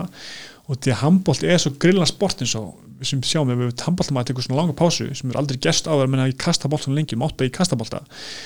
þá ertu að fara með axlina þannig að fara í mörg sko, því að öxlin er svolítið grilla fyrirbæri því að hún er ekki gerð til þess að fara aftur fyrir ákveði vingil en við erum að hendur ákveð, aftur fyrir ákveði vingil í, miljónsum með æfingu og fá högg og þessi þannig að hérna, oft er líka pásan ekkert heldur of góð í okkar sporti sko. Þetta er góða púntar maður. Já, Það er svona- eins og, eins og bílaugubílarnir þeir sem að þú eru að standa núna sko. bílar eru gerðið til þess að reyfa sig sko. Ætlar að fara allir ég er einmitt sko eins og hægt. Og það er bara en svo, er náttúrulega líka hinvingillin þá að tala um að þá er meiri eftirvænting eftir, eftir stórmóti ef að það er ekki hverja ári. En náttúrulega eins og fyrir okkur á Íslandi, kannski öðru sér heldur en annars staðar, það er þetta, það er þetta þessi ljósi punktur í janúar í mesta skamdeginu og gott fyrir buttuna þegar það kemur hérna afsláttur og ólís fyrir eftir, eftir markafjölda Nú er Guðjón hættur hann að ég veit ekki hvernig við Það sér ég 75 ára veginn að- Guð er með afslætt á bensinu fyrir fólk. En ég verð að segja, ég þreytist ekki að segja skemmtilega stórmótsögu fyrir sko ekki núna heldur í fyrra. Hvenær fórst þú á stórmút? Ég segi stórmótsögu Já, ok, eða þú veist hér. Eh, Þá ætlum við að fá góðan gest til þess að tala um sem að þá HM eh, og hérna og Matti sendi skilabóð á Patrik Jóhannesson. Í janúar spurði hvort hann var ekki til í að koma og ræða stórmóti hjá íslenska landsliðinu og, og, og hann svaraði alltaf ég er nú bara sjálfu með Austuríki hérna. Sjálfar mig, ég er bara mættur á móti sko. Ég er bara því miður, ég kæst ekki. Ég sendi bara á þess að hugsa Hvað er þetta? En það er, bara, það er þannig hvaðið sín að vera að kemur í jóng Ég sendi skilabóð þeim maður og var, var að reyna að fá okkur annan inn í spjall og svo fatt að ég bara, er ég heimskur maður, ég fá hann að En hann kom svo, Patti kom svo hérna, hérna, Svo, svo voru búin að mæla okkur mót sko og ég sendi daginn áður sko hvort það myndi ekki pottið koma. Þú veist og þá kom bara skilabóð tilbaka. Stendi það sem ég segi eða eitthvað. Ég bara, ó, er þetta kalt eitthvað? Svo hérna, fattaði það náttúrulega bara hann Selfoss og Haukar, nei, jú, Selfoss og Haukar voru að uh, keppa sko. Og Selfoss tapaði og er mista af hérna, deildamestara til bara, ég sendi skilabóðin háluleika eitthvað sko. En það er gæst stendur við sem ég segir, ég er að alla þjálfur mínu sker núna síkastu og hérna, það er það er einn af þessum gamla skóla ef ekki bara mest í gamla skóla svona típa sem þú vilt hafa sko. hann er er, að er frábær sko. Frábæn áhengi, þú veist, ég segi þekkja hann bara við skilum í spjalli, þú veist, þetta er ljúast einstaklega sem ég kynist, en í vetturinn verður þess að grjótarasti, sko, skilur, hann er bara veist, hann gekk, veist, eins langt og hann komst, sko. Við það sér nú rétt í mörgunum vellum, sko en, en það er bara hans, þetta er líka sem, sem hóltamaður, sem, sem karakter, sko, er henni í gamla dag var þetta öðruvísi og það er hérna ákveðin harka í þeim, þeim boltæn, hann er þetta gæði sem að hérna, ég lít mikið upp til og ja, minni fyrirmyndum bara þú veist í lífinu, sko. Er ekki, er ekki sko gamli skólin er Alfred Gísla. Og Alfred Gísla kemur honum á Patrik þegar hann fær hann til Káa einhvern tíma, 95 eða eitthvað sko. Og þar, þar verða þeir, þeir eru svona þeir eru, ég man þegar maður var við vorum alltaf að æfa eftir hérna meistraflokk Mm. þú veist upp í Háká. Og þá var hérna þá komu gæðandi bara í smíðagalanum og þú veist, þetta voru bara bullandi innamenn og, og, og svo voru að koma úr vinnunni beint æfingu og svo heim sko. Þetta er ennlega gamla skólin þetta er bara að gera svona hlaðvar bara um gamla skóla það er bara, ég er að fá, fá, fá bara þið fáið sína rattir sko. Hérna, en rauninni, ég elst um það sko háká er svona best í heimi. Klubu fólksinn, skilur við, erum svona yðnar svona típunar sko, skilur við með steingóluðið maður. Já, þetta er, alveg harka sko, skilur við þetta er ekki eitthvað vikingstrasl sko. ef sér líka sko bara gaurinn sem ég er sem ég háká og gamlega skólinn þar. Það eru gæjar sem Ár Þóraðinsson og Jón Bersu og hérna, Óskar Elvar og- Óskar Þetta er bara, þetta eru, þetta eru alveg keppnisgæður, þetta eru, þetta eru yðnamenn þetta er bara gauðra sem að, þú veist, þeir eru bara yðnamenn inn á vellinum og utanvallar og bara, þú veist, leggja allt í sölun, sko, þannig að það er svona það að koma úr svoleiðis grunni er þetta bara frábært, sko. Hvenær fer aftur heim? e, þeim, Háká það er ég hef bara það spurningum mjög oft, sko hvernig þið verið heim, sko. að að þig það, slitnaði bara svolítið ítlu og okkar samstarf sín tíma og var háka, sko. Það og ég átti að mönslega á því þegar ég var svona kafunni sjálf mig sko þegar fíblunni fjölgar í kringu þið sko, þá var spurning hver er fíblið sko. Þannig hérna, og þá ferðu í, í ekki, já ég fer í eitt ár eftir háka fer ég í IPVF. Og það er henni, tek ár í eigum og áður að fer í fram? Já, því það er henni og það er svolítið glemt ár sko ég, það, því það var svo stutt einhvern veginn því að hérna, það kom svo seint upp að ég var rekin úr gæstalaba því að hérna, það kemur upp að þá hérna, tekur Kitty Guðmunds hágáðingur með mig um til eiga sko. Og Ólafíði líka, við fyrir saman þángað og við tökum ár þar. Og, veist, það var svona svolítið einaðar ásko það sem ég lærði bara svolítið að standa á einn fótum líka og svolítið svona kynntist í samfélagi sem að, sem að versmænir eru sko. Og það er eitthvað sem að þú vilt fá að upplifa og, Það eru sjóara- og, það er og, og sá kjaftaðir heimur þar, sko. Og það, hérna, og það, það ár þorskamli gegn ég var stóðið einn fótum og það var ég að veist, vinna með, ég var að klára bakara það veist, var að vinna samning og bakara með handbóltanum sko og svo annars var ég bara að spaka og handbólti og baka handbólti og hvað svona djöblast sko. En það árinu, svo fer ég til, til fram eftir það er þá hvað gummi gummi yfir, í, yfir fram þetta, þetta ári 2005 var það ekki 2008 verið út, ég er tvö ár þar undan í, já, í fram, þannig er 2005 jú. Já, 57, eitthvað slús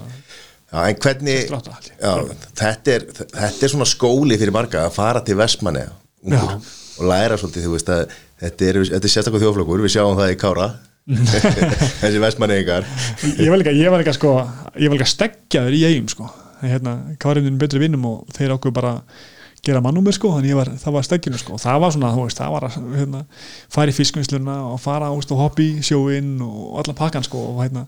fara á túnni og slökkulisbíl sprauta með að gera ykkur þrautir og, og, og allt það sko, það var alveg, þú veist, þeir kunna, kunna til verka þarna og kunna herðamenn og, og gera það mönnum sko. Eiga, eiga peganir Já, en, en talandi um uh, herðamenn nú er búið, hefur verið rætt um í, í fjölmjölum, en nú er það vantilega búið þessi víksla í, í landsliði og og hérna þú- núna þegir hann alveg. Þegar, þú ert í víkslunni þá, þá eru þarna ansi margi hrammar sem að var sess að menn, menn fengu raskellingu og það er alveg þekkt þekkt, hérna, uh, þekkt fyrirbæri. Hvernig uh, Sigfús Sigursson Einar Holgesson Sverre hvernig uh, hvernig leta þetta? allir vaða bara. Sko mín saga er bleið grillu sko því ég er henni minn fyrsti landsleik verið 2003 þá er ég sko 17 ára hérna, verða átján. Og þetta er svona tvei leikir það var svona landsleikar hrinur sko tvei þeir leikir á móti einhvern löndum hérna heima. Og við vorum spilandi í Pólandi tvei leikir og ég spila fyrir leikin ég spila ekki setna leikin sko. Og vikslan er fyrir henni fram eftir setna leikin alltaf sko. Og vil ekki fara í vikslan eftir fyrir leikin sko þegar setna leikin er eftir. Það sem að gerist ég ætla ekki hóp í setna leikinum þannig ég er ekki inn í klefa í vikslunni þannig ég er svona gleymist og einhver góð maður átti að segja á því að ég hefði glemst í partíinu þegar það var slútt að leikja sko. hann hérna þá erum við stattir inn á, á sportkaffi gamla hérna, hann ekki sportkaffi þetta Felix á, já. það það var alveg bara niður sko. þá vorum við að slúta þar að borða í mat og drikk og, og, hérna, og það er svo, það er svo að verða skemmtistæðurinn frá með klukkan eitthvað og þá einu spottar eitthvað byrju og maður ræði nýlega þú, þú, þú varst ekki flimtur og ég ætla að glottu nei, já, það glemt það eitthvað, var sniðið eitthvað og hérna, þau dugaði bara næst þannig að það var bara upp á svið. Nei, og það var bara, hún fótt bara að tínast inn sko, hérna, hérna skemmtist að og ég hef bara mjög gaman að því sko. þannig að hérna, það var hérna, hressandi að taka þá típuna og hérna við vorum búið með tvo og hvernig léttir á því þannig að það bitnaði ykkurum en, en hjálpaði ykkurum að ruma fastar Já. þannig að mín, mín, mín, mín viksla var svolítið svona annars eðlis heldur en svona Já. heldur en eðlis Það er sko. ekkert endilega betra sko Nei, bæði og sko en, er svona, en þessi því miður, getur maður sagt það þá er þessi hefðu svolítið farin en hérna, þarna eru komin akkurat saman dýpmeit í gamla skólan, nýja skólan því að þetta er kemur inn sko ætli þessi ekki að koma, þetta er ekki út á sama tíma á svona busavíkslur og fleira. Það komið svona meðvitund um bara veist, þessar nýlega víkslur og fólk er bara að hræðast þetta og hérna, en það er ennlega aðeins öðruvís í þessu þegar það var að byrja svo mikið tengslið þú þekkir alveg þessi nýlega og alltaf menn busavíkslun er meira svona, veist ekstrím hvað það var sko. En við þetta fyrirbæri alveg sláði rastan og sér eitthvað svona og þú veist að verða blár og ykkur, ykkur blæða og úr raskinnunum og þú veist þetta er ekkert sem er eitthvað stórmál fyrir handbóltamann sko. Við- það er verið að þurrum bolt í andlitaðum skilur einu svona dag sko. þannig að hérna, það er verið slegin rassin er ekki stórmál sko, en kannski en, Nei. En það, sem- það sem að þú slast við sko, menn hafa verið með ýmsar kenningar í þessu, hvort það sé betra að nota sápu Já, og svona sem eru líka veginn svona höggva svona í þessu það var hérna típa sem að Gummar Hrafgis ræði með sko, þannig að hérna og svo líka hvernig röð þetta kom sko. Þetta var alveg komið plan á sínum tíma sko, það var bara röð, hverju voru hver í röðinu hvernig ekki með fúsinn og hvernig á þess að koma? Og það var svona Dúra Nóna, var hann þegar þú varst? Nei, Hann er bara að teki sko. Þú hefur verið bara með sko. Hann er slegið ringin þannig að ég slappi hans sko. Þetta er þetta, þú veist, þetta er geggja geggja sugur, gaman að þú veist mér er skaman að það hátt í þessu skilur en svo alltaf kemur tíðarni breytist og, húst, og, og það er alltaf að koma þessu inn í dag en þetta er bara galið hvað- Hver er viksla núna? Er eitthvað viksla? það er svona nýlega ræðið viksla sko og það er meira svona andlega erfitt en, en að vissuleiti holdt í allt, allt erfitt er rauninni gott í því enn sko með nýlega viksluna núna er bara heldur ræðu og tala um eitthvað óþægilegt og erfitt sko það er rátt bara líka fegur því að þurfa að opna sig gagvart sem er liðsfélugum og svona gefa þeim kannski einhvern ramma til að skjóta sig og svo eru voru svona fyrirlega nýlega vikslunar Áskri Örd til dæmis, hann tók að slá sig að hérna, hjálpa þessum nýliðum sko. Að koma með ræðu, koma með punkt að skjóta að þess að svona vera með svona húst, vera slið svona krassa, krassandi og harðarúð sko, þannig að þetta var svona, og það er skemmtilega sem að svona, húst, aðeins búið fjárundan en fyrstu minnum átunum og þá verður það bara næsta verkefni strax. Þetta þetta. Það verður að vera eitthvað. Þetta er, þetta er ísbrjótur, þetta er svona þetta er hluti af þessu, ég meina þetta er aldagum hefða að við einhvern inn sko og svo má deilum það hvernig á að gera það en þetta er, þetta er eitthvað sem að þarf að, þarf að Gera vera þetta mikið í fótboltinu og stendur upp á stól og syngur eitthvað lag eða eitthvað. akkurat nokkulega og þetta er bara, ég held sér ekki bara holdt fyrir manneskinn að fara hans út úr komforti sko Svo vond skilur eins og þeirra hérna Hvað er þetta ekki? Gummi, Tó, Gummi Tóta Bróður að Sanna Jú. Veist, hann var, var einhverju liði sko var að þurfti að fara og syngja sko. Hann var bara söngvari sko. Gali sko. Það var bara, "Na, þetta er bara áhugamáli mitt. Ég tek bara eitthvað gott lag hérna sko. Björki, Björki getur tekið hliða sjálfur sitt BBG sem hann kalla sér í sko. Okay. Bótuðu gúst. Munurinn á handbolta og fótbolta hérna eins og launin og svona hvað er hérna Um, þetta er bara sumulegn sko. Þetta er bara já, Nei sko, ég, ég elska launin í handbóltanum Ok. Mér finnst það mikið fegur að bakvöðu Þetta eru uppað sem að Mér getur lifað á En skilja lengur til fyrirlin Þannig að þú veist, þarf alltaf að vera relevant, þarf alltaf einhvern að halda á tánum og, og þú veist, þú ert aldrei, ert bara, ég er bara góður skilur og, og, og að þú ert alltaf meðvitað það líka í einhvern veginn sko, sem er fyrir mér óksla hól sko, þannig að þú þarft að, að vera að vinna með boltanum til að byrja með kannski og svo ertu farin að menta með boltanum og þú getur ekki bara hangið í tölun alltaf daginn og þannig að þú býr til svona betri einstakling kannski on the long run sko, þess að boltin er búinn og þú veist þú ert bara ekki að bóra niður sko. þú veist bara it's coming og ég mun ekki geta að lifa á þessu. Þetta mun vera að fleita mér inn í eitthvað ákveð það mun hjálpa mér svo mikil bara þú veist, tengslanett og að vera fyrirmynd og geta hjálpa og svona, haft áhrif og svona. En peninglega sé er þetta ekkert sem mun fleita mér neitt sko, skilur það mun geta komið fyrir húsi svona, og komið að þægilega stað og forréttindi hvað það var sko, þó svo að vinnunum bakveð að sé kannski öllu meiri heldur en kannski eðlilegi maður að leggja á sig en þá er þetta í rauninni það holl uppæð að heilum skemmi mjög fáa sér eitthvað andlir styrkur er góður hann að þetta grínast það en þetta er eins, eins og til dæmis ef við segjum bara í ameríska fótboltanum og í, í líki körun og svona menn er að býja eftir big payday sko. Gera einhvern samning, fá einhvern bónus þú veist, og sérstaklega NFL sko þegar sem að ferillin er þú veist, 2,9 ári eða eitthvað. Menn eru bara að reyna að fá hennan eina samning til þess að reyna síðan að- og svo Fyrir honum bara í eitthvað svo- villisur Já. sko, og er búin að Þetta er ennblega sko, peningar er svo gala fyrirbæri sko því þú eigið bara sem ég færð þú ert ekki eitthvað að teka hérna veist, Mike Tyson skilur sem það með skilur, þú veist, hvernig getur þess að menn farað hausinn skilur, allir hversu margir að farað hausinn sem endlita peningum, skilur, það skiptir upphæðin skiptir einhver máli, þú bara, þú bara eigðir því sem þú færð skilur, þannig að Dýrt að vera með tígristýr og svona eins og já, já, það sé bara svo, bara til bara vennilega fótballtamann skilur ef hann er, þú veist þegar hann er, úst, að hann ætla bara að lifa bara fyrir og gera ekkert með því, þú veist, margir gera og svo lendur þú bara vegg þegar þeir eru þú veist, kannski bara 35 ára hættir þú veist, hvað ætlar það svo að gera? Fyrir utan það kannski vera ekki með bakurinn í að ætla að halda áfram með eitthvað, þú veist, kannski með immunds alltaf en þá ertu að fara að eldi út lífstil sem þú búin að lifa í 20 ár skilur, hvernig það er að halda honum við á þess að fara sumu laun, á þess að fara á hausinn mm. og það er átt flækstu, það er sem alltaf unga kynslan er að gera vel núna. Þeir eru flestu hver er að gera eitthvað með boltan skilur, er að læra hónst, eitthvað að gera eitthvað til að tjöblast með og ég held að það sé svona já, sérstaklega fyrir þess að fókbaltaka vera að vera með þetta um að fara út ákveðum tímúti en eða ef þú ferðast náttúrulega út að vera það með eitthvað plan til þess að vinna eftir sko. Þú veist þessi gaflanda það bara fórum henni ekki út fyrir að bara með námið skilur veist, handbólta, hvað sem handbólta fókbólta skilur en núna er það svona, þú veist, Gunni Bergs er lögfræðing sko, hann spilaði bóltan, skilur veist. Það var líka bara um, umtala þar sko. Bara, það, sko, ertu lögfræðing, þetta grínast þannig að þetta er svona, það er allt hægt sko en basically þarftu bara að vera duglugur og að,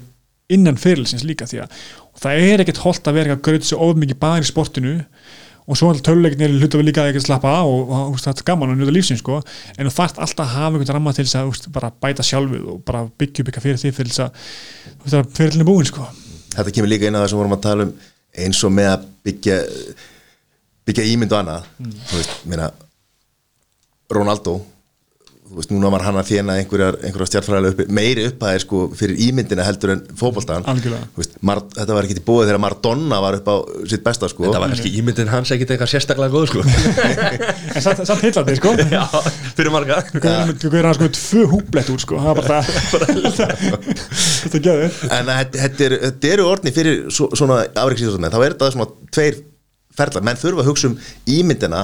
utanvallar mm -hmm. og vinna í henni. Mm -hmm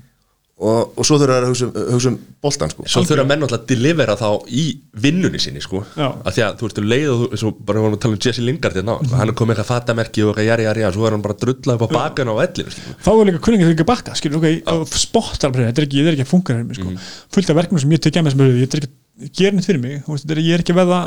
betra þessu þetta er ekki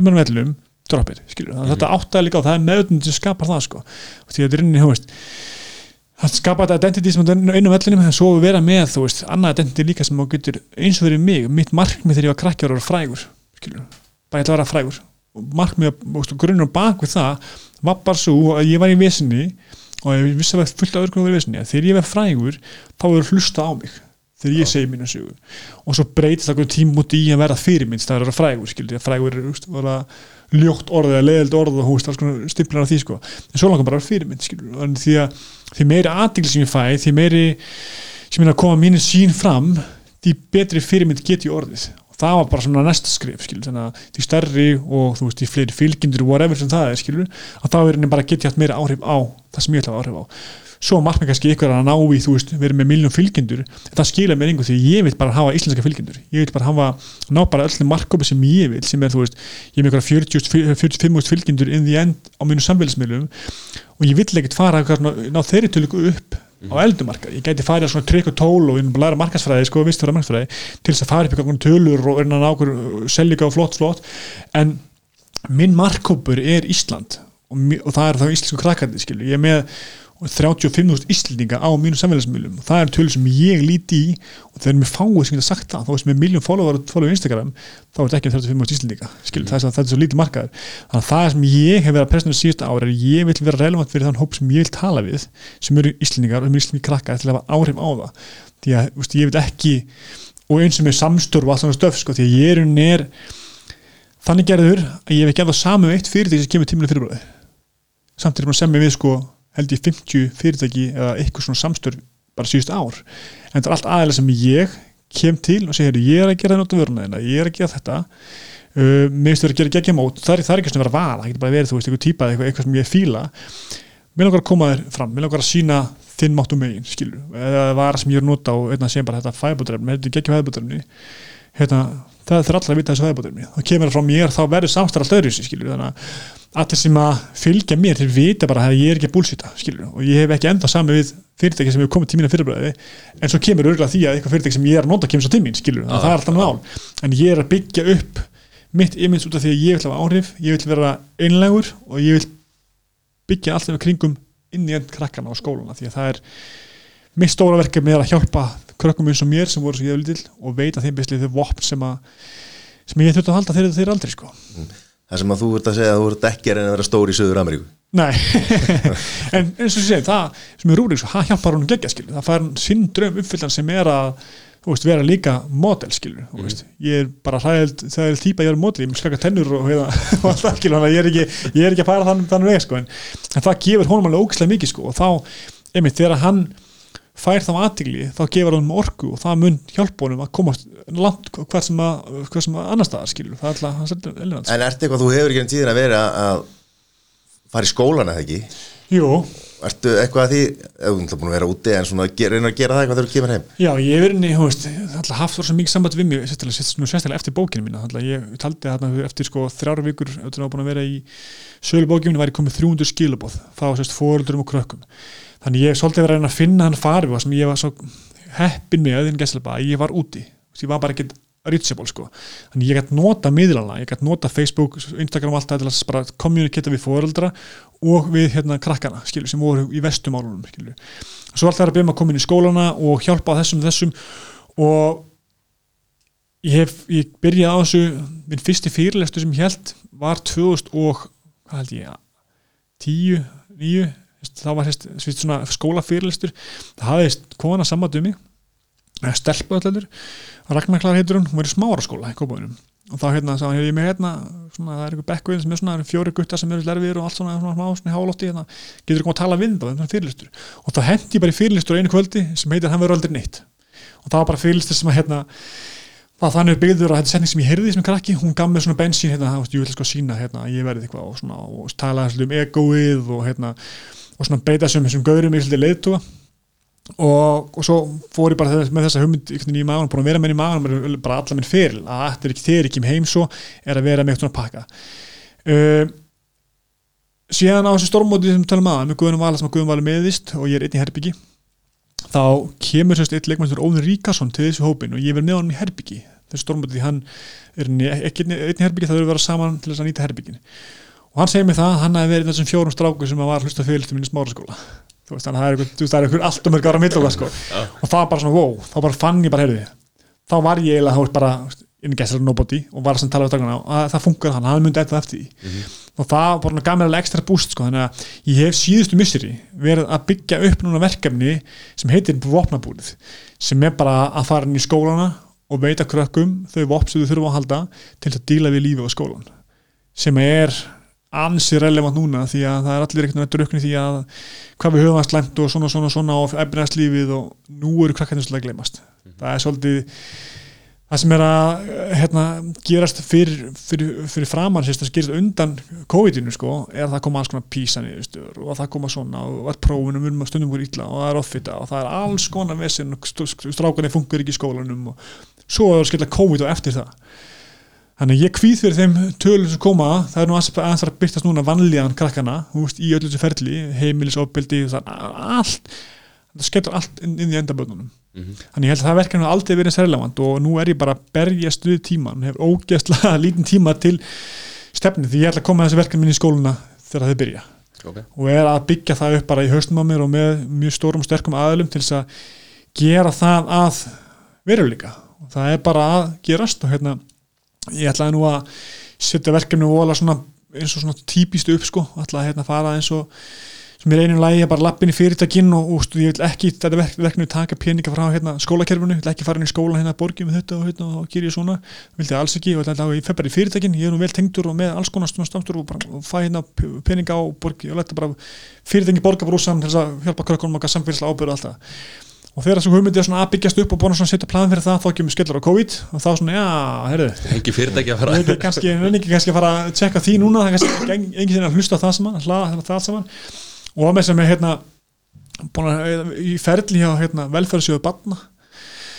Hérna með svona styrtabein inni sem bara hóst tafðist í hérna, það bara allt ástundið bara þannig hér þjóðfélaginu sko, þannig ég einhvern veginn uh, dróð þá umsónd tilbaka og svo bara nefnilega fara inn í, inn í kerfi, skólakerfi hérna, bara fara í eitt skóla og bara sína mátt og megin það sem ég get gert og svo bara skoða ég það setna bara hvernig ég fær borga fyrir þetta, hvernig ég vinnum þetta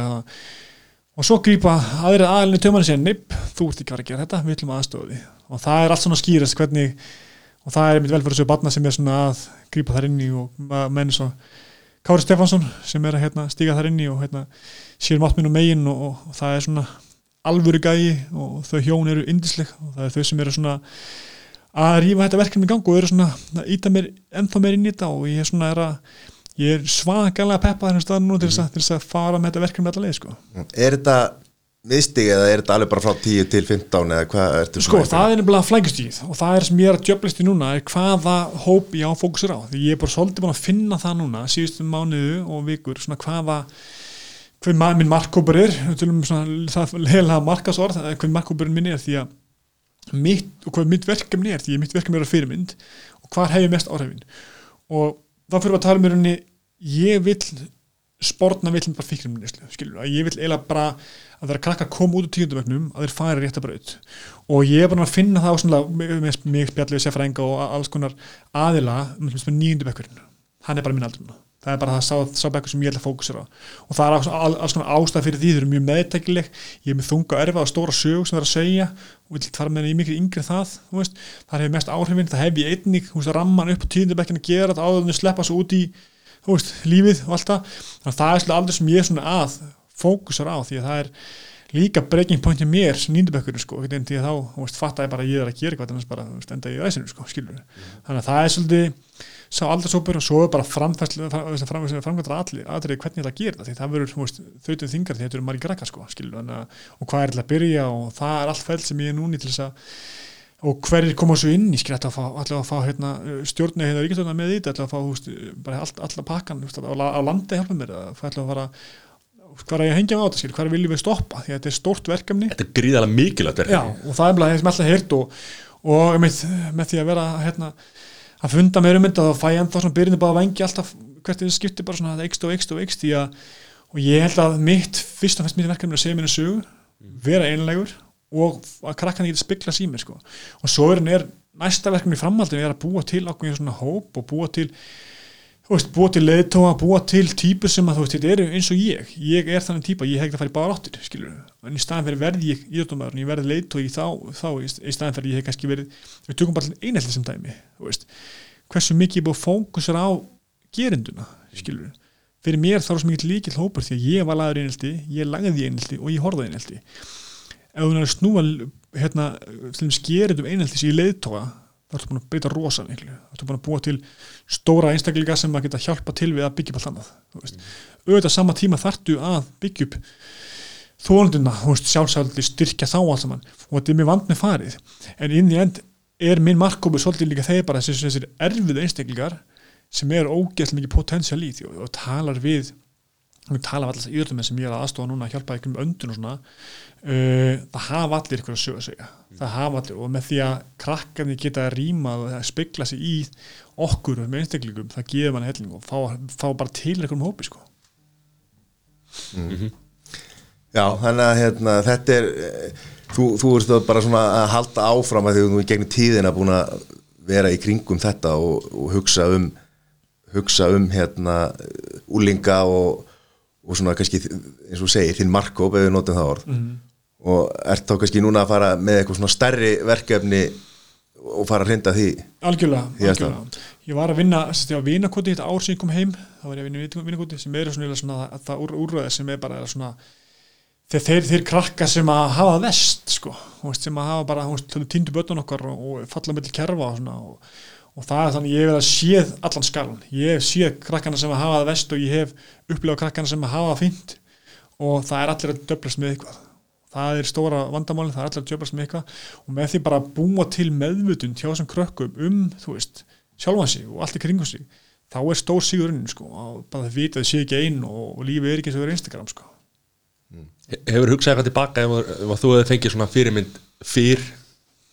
þú veist hvort að líf, líf þitt eða eitthvað verið öðru segja breyst eða hvernig, Já, kannski veist, svo fyrirmynd sem ég þurft kannski fyrra á halda hefði verið mér fjölskyldu fyrirmyndin sko, skilur, Mhm. það er vel fyrsta fyrirmyndin veist, sem að kemur. Og ég fekk hana svolítið aldrei sko, og því elstu upp í einstæri móður sem er að glíma á alls konar vandamál. Uh, faður minn er staðistur að kvamstanga býr þar og hann er að díla við sín stóru vandamál á, sama tíma. Þannig ég svona elsk kannski uppöldi án föður ímyndar þó sem ég að vera á sumrin þá vantaði mig bara svona þá grunnstóð sko, og veist, að bara hefði hvernig, veist, hvernig funkar maður í lífinu sko, sem ég svo læri bara setna með því ég þarf að taka mikla ábyrða heimili ungur veist, ég er hérna, mamma er hérna vaktavinnu frá 8 til 4 eða 4 til 12 þannig að kvöldin þá er ég bara að sjá um sýstu mín og elda matinn og þar kemur áhengum fyrir eldamennskun og allt það skilur þannig þess vegna koma kannski mína fyrirmyndir svolítið mikið úr íþjóttunum sko. og þá koma ég að leita í fyrirmyndina skilur bara hérna og veit þess að Rói Kín því hann er svo geggjað sko. ég veit að hérna, leitu að hérna, leitu að fílingunars Peter Smækkel og ég veit að smá keksaður og töffar eins og kantona skilur og ég veit að töffar eins Beckham skilur þú veist þannig að maður leita þá í svona þá veist þessa fyrirmyndir og svo ferðu inn á fólk og læra fólk og kynnist fólki og þá koma fyrirmyndur á skólakerfinu og þá byggist upp svona karakter sko en í rauninni það, það, það, fyrir mig sér þurft fyrir bara smá fjölskyldu veist, tengslín og það alls saman því ég var svolítið, svolítið einna báti þegar ég elst upp sko. mm. og, var, og það er bara því að mamma var bara ógst að berjast fyrir að halda ykkur á lífi sko, mm. já, bara lífið Já. það er bara sem allir, allir er að berjast í en það er Já, þessi, tímaskortur og það er ekki tíma til að gera neitt og enginn tíma til að spæða sjálf sem verður hann að krasa sko, skil, þá allir, já, herðu, ég drefs bara þegar ekki á mínum málum sko, skilur. Það er mikilvægt að fara aðeins tilbaka og, og, og anda og Já, og það er með það sem að gerðist með bónginu mín sko, því ég er unni ég er búin að vera overkeiri bara mér sem bara, er endalust sko, skilur, mörg mörg ár og, og bursi vera bæðilegu tilfinningar tala um tilfinningar og allt það, bara líka það að vera óveldrein alltaf skilur, svo akkur svo bara krassaði ég og það þurfti ég að bakka og ég bakka bara þann hátt að ég veist, skrifaði bók, sem allir eru bók. Þetta er bara mér, bara, ég er að krassaði nýður ykkur rugli hvað er að gerast, þá bara, hvaðan kemur þetta? Og það var þetta bara vörðskjál skilur ég bakka bara fyrir bara að skrifa. Svo allir koma vörðskjál bara 100 síður þannig þetta er bara, það er komast út. Og þá bara, þetta er komast út bara fyrir að hjálpa ykkur um öðrum. Það er eitthvað að lesa þetta, það er eitthvað pottingu sem getur spiklast í og getur hjálpað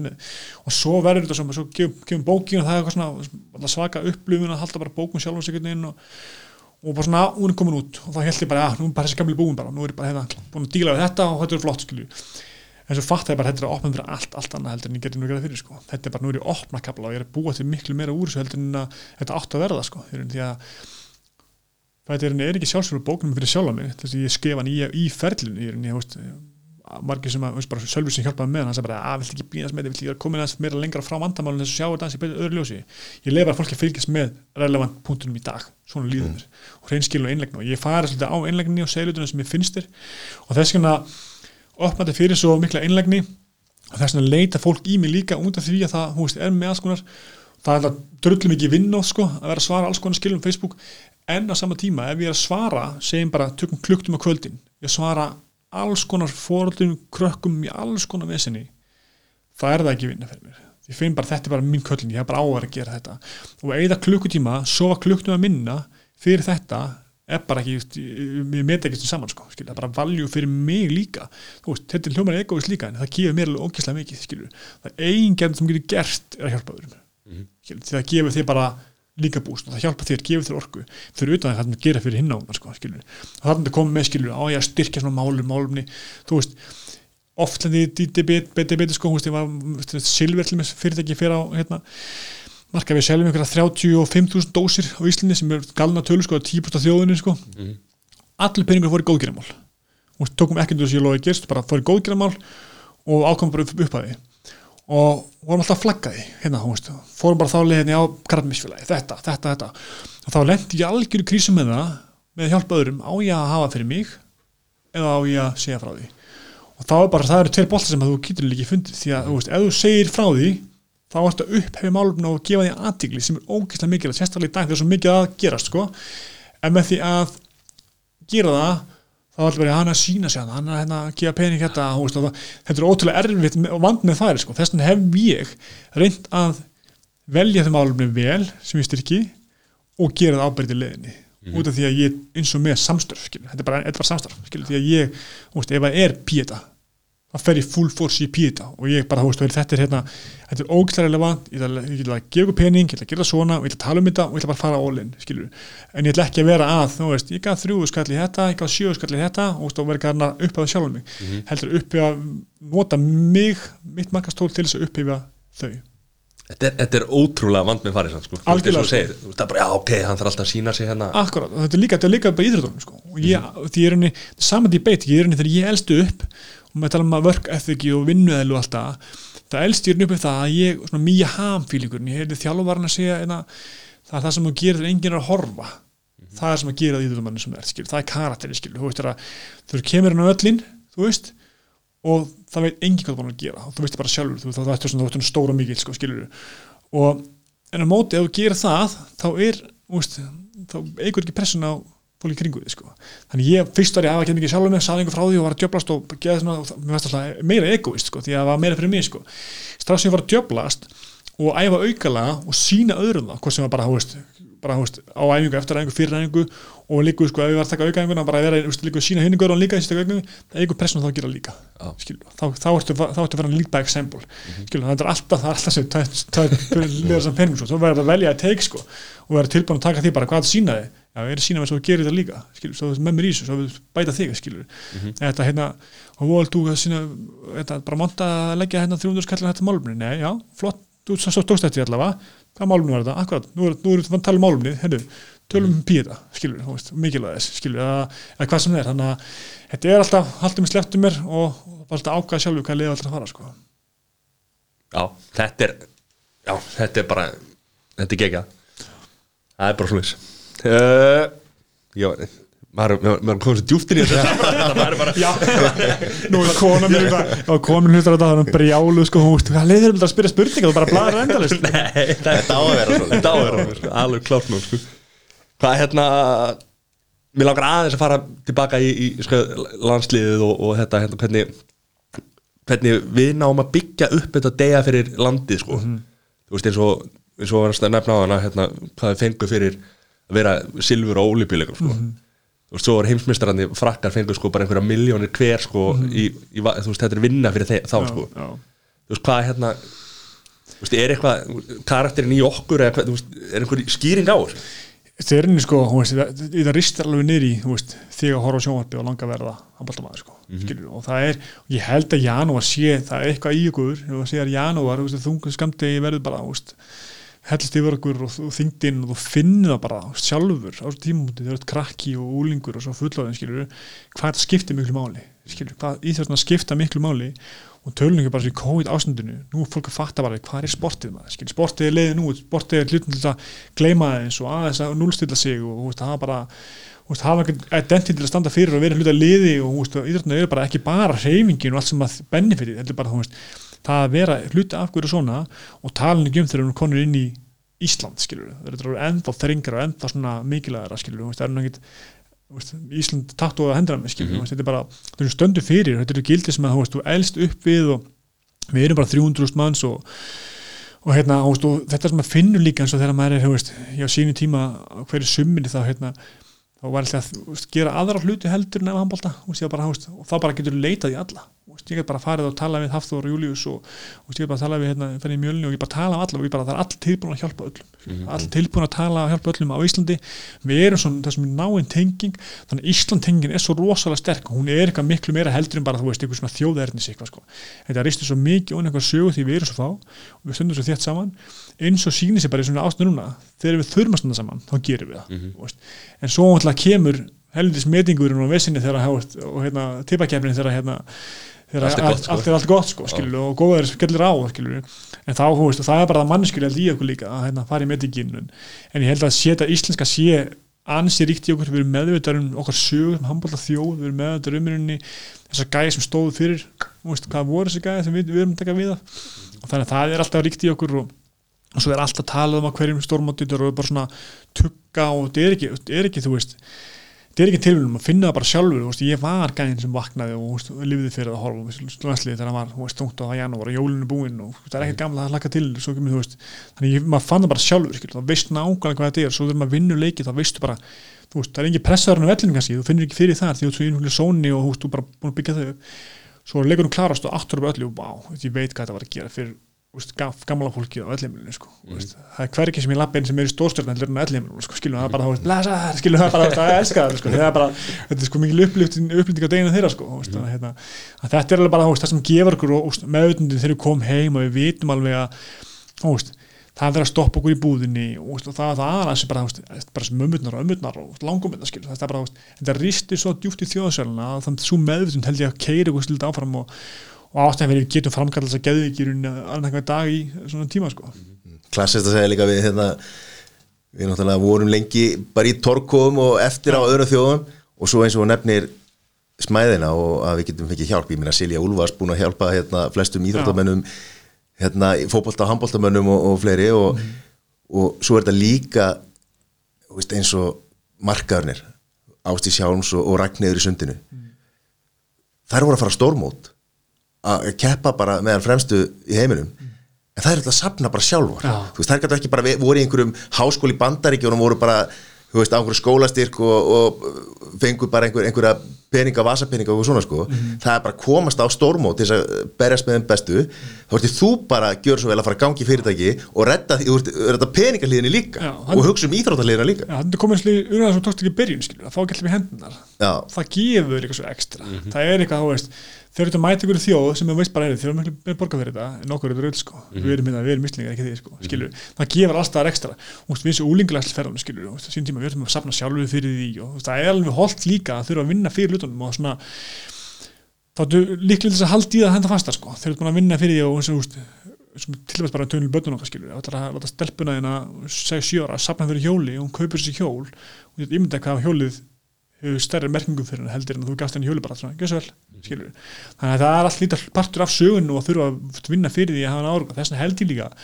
að þú skoðar alltaf ídrönduminn sem eru tilbúin að hjálpa öðrum þú veist, til og með síljúlu skilur, hvað sem það er. Það er allir tilbúin að hjálpa öðrum og allir sem hafa nálánt flestir sem hafa nálánt, hafa ykkur að sögu að segja ég þurfti að hafa fyrir lífinu sko. ég þurfti að hafa fyrir þessu sko. að ykkur tímbúndi og rosa ólíka sögur. En með því að þurfa að tjöblast aðeins og hafa fyrir því þá heldur betur við það sem að og þess vegna þessi handbólt er mér þess vegna er þessu mikið handbólt er mér svo mikilvægur. Út af því hann er ekki bara handbólti sko, þetta er þetta dótið sem að reddaði mér þetta er dótið sem að reddaði mér sem let mér til í einhverjum hópi þetta er dótið sem að kom með frá því að vera. Ég þarf að gera tilbaka inn í handbóltan en svo sem inn í skólakjörnunu það sem það þarf að finna út úr er að hafa ekki þetta sportið en þau eru allir að tilra sko, ykkur mópi mm -hmm. heldur betur maður hérna, já, þú ert eh, sko, markmannsstaðan og, og þetta, hvernig hérna veist, það var alltaf bara, það voru ekki einhverjum sér markmannstjálvarar og veist, þetta kom bara, þetta byrja rétt aðeins er ég var hann, sko, en, en fyrir það þú veist, nú ert þú að gefa mikið tilbaka þarna og ert farin að vera með markmannsnámskeið og eitthvað svona mm -hmm. þetta, hérna, er þetta komið til að vera og, og Já, reyni svona, all þjálfum verður bara meira spesifik sko hverjum deginu sem líður sko og, og það er svolítið díteldin í sportunum er eins og orðin svo miklir uh, markmannstjálfunum var þessi lítil þegar hérna ég var að koma upp sko en ég var rosalega heppin með það að ég er unni elst upp með Kristni Guðmundsson sem mm -hmm. þjálfvara í mínu flokki sem var markmaður Veist, ég hafa með Einar Þorvarason sem er bestimarkvar, líklega bestimarkvar á tíma. Gunni Magvan og þegar, nei, Markur líka? Já, og þú veist, Gunni Magvan líka bara og svo mikið áhersamur skilur líka og Markus og alltaf það var svo mikið, þannig ég fekk svolítið svona mentor í hendar sem var alveg tilvölun sko, þetta er aðalega sem ég vissi mest um Markuslega, mest skaman af Markuslega þessum tíma sko, skilur, þannig að ég hafa með heppið með það en svo kemur eitthvað limit sem að segja, hey, við vitum ekki með sem íslendingar. Og þá er við fóruð bara þá leiða ég þarf að fara til Svíþjóður, ég þarf að fara þanga ég þarf að sækja þetta. Og þar kemur sér leitandi ég að öll ég, ég er ógeðslega leitandi. Og svo er henni er markværsla bara eitt og sér eitthvað aparat sko, skilur þú veist að kenna markværsæfingar er bara lítið effekt sem að hver get, hver, hver, hver sem getur gert sko, skilur, það er bara grunnilis að gera það sko. En það er miklu meira að ég kennir eitthvað þá þarf að vilja að syngja inn mm. mjög vel og það sem ég verið að fókusa rosa mikið núna på síðkasti er öndun skilur. og öndun og æfinga því að það er grunnurinn að öllu sem þú gerir sko, að vera bæði í ástand til að taka móti skótum, til þess að díla við ástandu þegar að búna úst, fáið markaðu skótu eða eitthvað til þess að komast í tunnel vision þegar út er hann að koma á þig til þess að recover eftir leiki, til þess að geta talað hægar í viðtölum eftir leiki til þess að bara hafa kontroll á öllu þá þarftu bara að vera með öndun hreinu. Og það er svolítið það, það sem ég er að blanda inn í allt sem ég er að gera, hvað sem er í skólakerinu í handbóltatunum,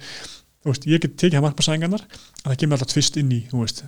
og veist, eins og bara, þú veist, kendu hvernig á að gera hlutina. Þú veist, eins og hérna, gott emmi sem við byrjum skóla að krakkan eitthvað, hefur fara að sofa. Og veist, já, hvernig maður að sopna skilur, hefur við kentur að sopna skilur, nei, nei, ok, þú að bara sex sekundur út þetta er komið tvö verkefni í heilan, heilin er farin að hugsa og það er hann að fara í para sem þetta skrifa og sopnar saman sem skólanum, kenna sér, hefur einbyttur hvað það að gera, það bara býra augun eða? Hvað, hvernig einbyttur þau, skilur, þú veist þú verður að vita það að einbytta, það getur ekki andakinn í munnin það er að ná púlsinu niður, það getur einbytta aðeins með að gera skilur, það er andakinn í nefið skilur, þannig að alls konar svona partar er í svo fascinate á, þess að með boltanum, svona síðustu fyrir, síðustu árin í einu öndrunapakka og tengja það alls saman inn í það sem ég er að gera, því það er unni in the end, sko, það er bara breathing comes first, sko. Degi með öndum ekki. Það er Bara sko er fyrsta og síðast sem við gerum, það er að anda. Já, geggja mér Herru, er þetta ekki bara helviti gott? góð logo. Þetta er góð, já. Tala, um dauðan Síðasta er er- Þú ætlar að halda bara áfram svo lengi sem þú drefur andan, eða ekki? Jú, ég ætla alltaf, alltaf í boltan sko. Það ætlar að vera eldri Það ætlar að vera lengur eldur en Guðamálur Það er ekki hægt Það verður ekki eldri Það er alltaf að- að hann hætti sko. 75 En sko, ára. sko, Málið að hann er ekki svo gamall sko. Nei. Stóra vandamáli við alls saman er að hvað hann er í fucking góða formi hvað, hvað hann er gamall sko. Það er bara, það er styrlað sko. Því að hann gæti spilað, hann gæti spilað ángin, ég að segja, það, hann gæti spilað um 10-15 ára Já. ef hann aldrei að fara þá leið sem allir fara og trappa sér niður og vera lélur, lélur, lélur sko. en gæin er hægt að bara, veist þessum aldri, í þessu formi sem er bara ekki gali, sko. þannig að ég ætla Er ekki með 8 pack eða? Hann er ekki með 6 pack sko. Hann er bara með alla pakkana, sko. Já, svo- þú sko við sjáum núna eins og Gulla Gull hann er nú uh, langan fyrir hákaðangur Þetta er bara allt það er hákað alltaf, það er einn af mínum uppáðast líka, Gulli. Það er allir, ég er slut upp með hann í kringum, kringum háka og var að vinna með hann á vellinum og þannig hérna, það er ótrúlega hvað maður hefur sankað þessum, þessum meisturum í kringum sig og lært af svona þessum bestu því að það er unni og það er einmitt gott ef meistakling sem að, veist, er að setja sjálfum sér annars oft tíðum, sko, og veist, nú er hann bara komin í annan hlutverk, hann getur spilað miklu lengur, sko, það veitu allir, sko, hann er bara komin í þann hlutverk núna, hann er bara, var hann að gefa, sko. Og það er svolítið það sem að við þurfum átt okkur á ykkur mann er komið, þú veist, stopp. Og hvernig það stopp er, er akkurat til að við getum fara áhrif sko. það er einmitt það sem að Gulli ger hann er bara á bekknum að, að peppa allt annað sko. skilur, við vorum klár þegar kallið kemur að þarf hann að halda. Þú veist, Gauði er að fara að þjálfa. Þú veist, bara spredd, skilur það sem, það sem hann er að gera þannig að ég ætla að halda því áfram með meðan ég er að spila meðan ég er að gera þetta vel því að ég er ennþá relevant held ég hjá þessu krökkum og, og fóruldrum og, og kannalurkunum svo, svo þegar ég glimti þá kannski verið að gera eitthvað annað. Þegar ég bara baka aftur og ég var fel Já, hvernig var það Já, og svo gerur bara svo Sebastian Larsson, þú hættir og svo tekur bara alltaf skóna fram á hvað, þryggjára fresti? Já, það er að vita af sér. Við þökkum Háká kjalla fyrir þetta. Já, þessi þáttur er búið að háka Nei, bara lífið er bóði Háká Og hérna, bara gangiði vel með þetta og, og halda áfram að gera frábæra hluti. Takk æsla, takk fyrir mig. Takk fyrir komuna. Takk.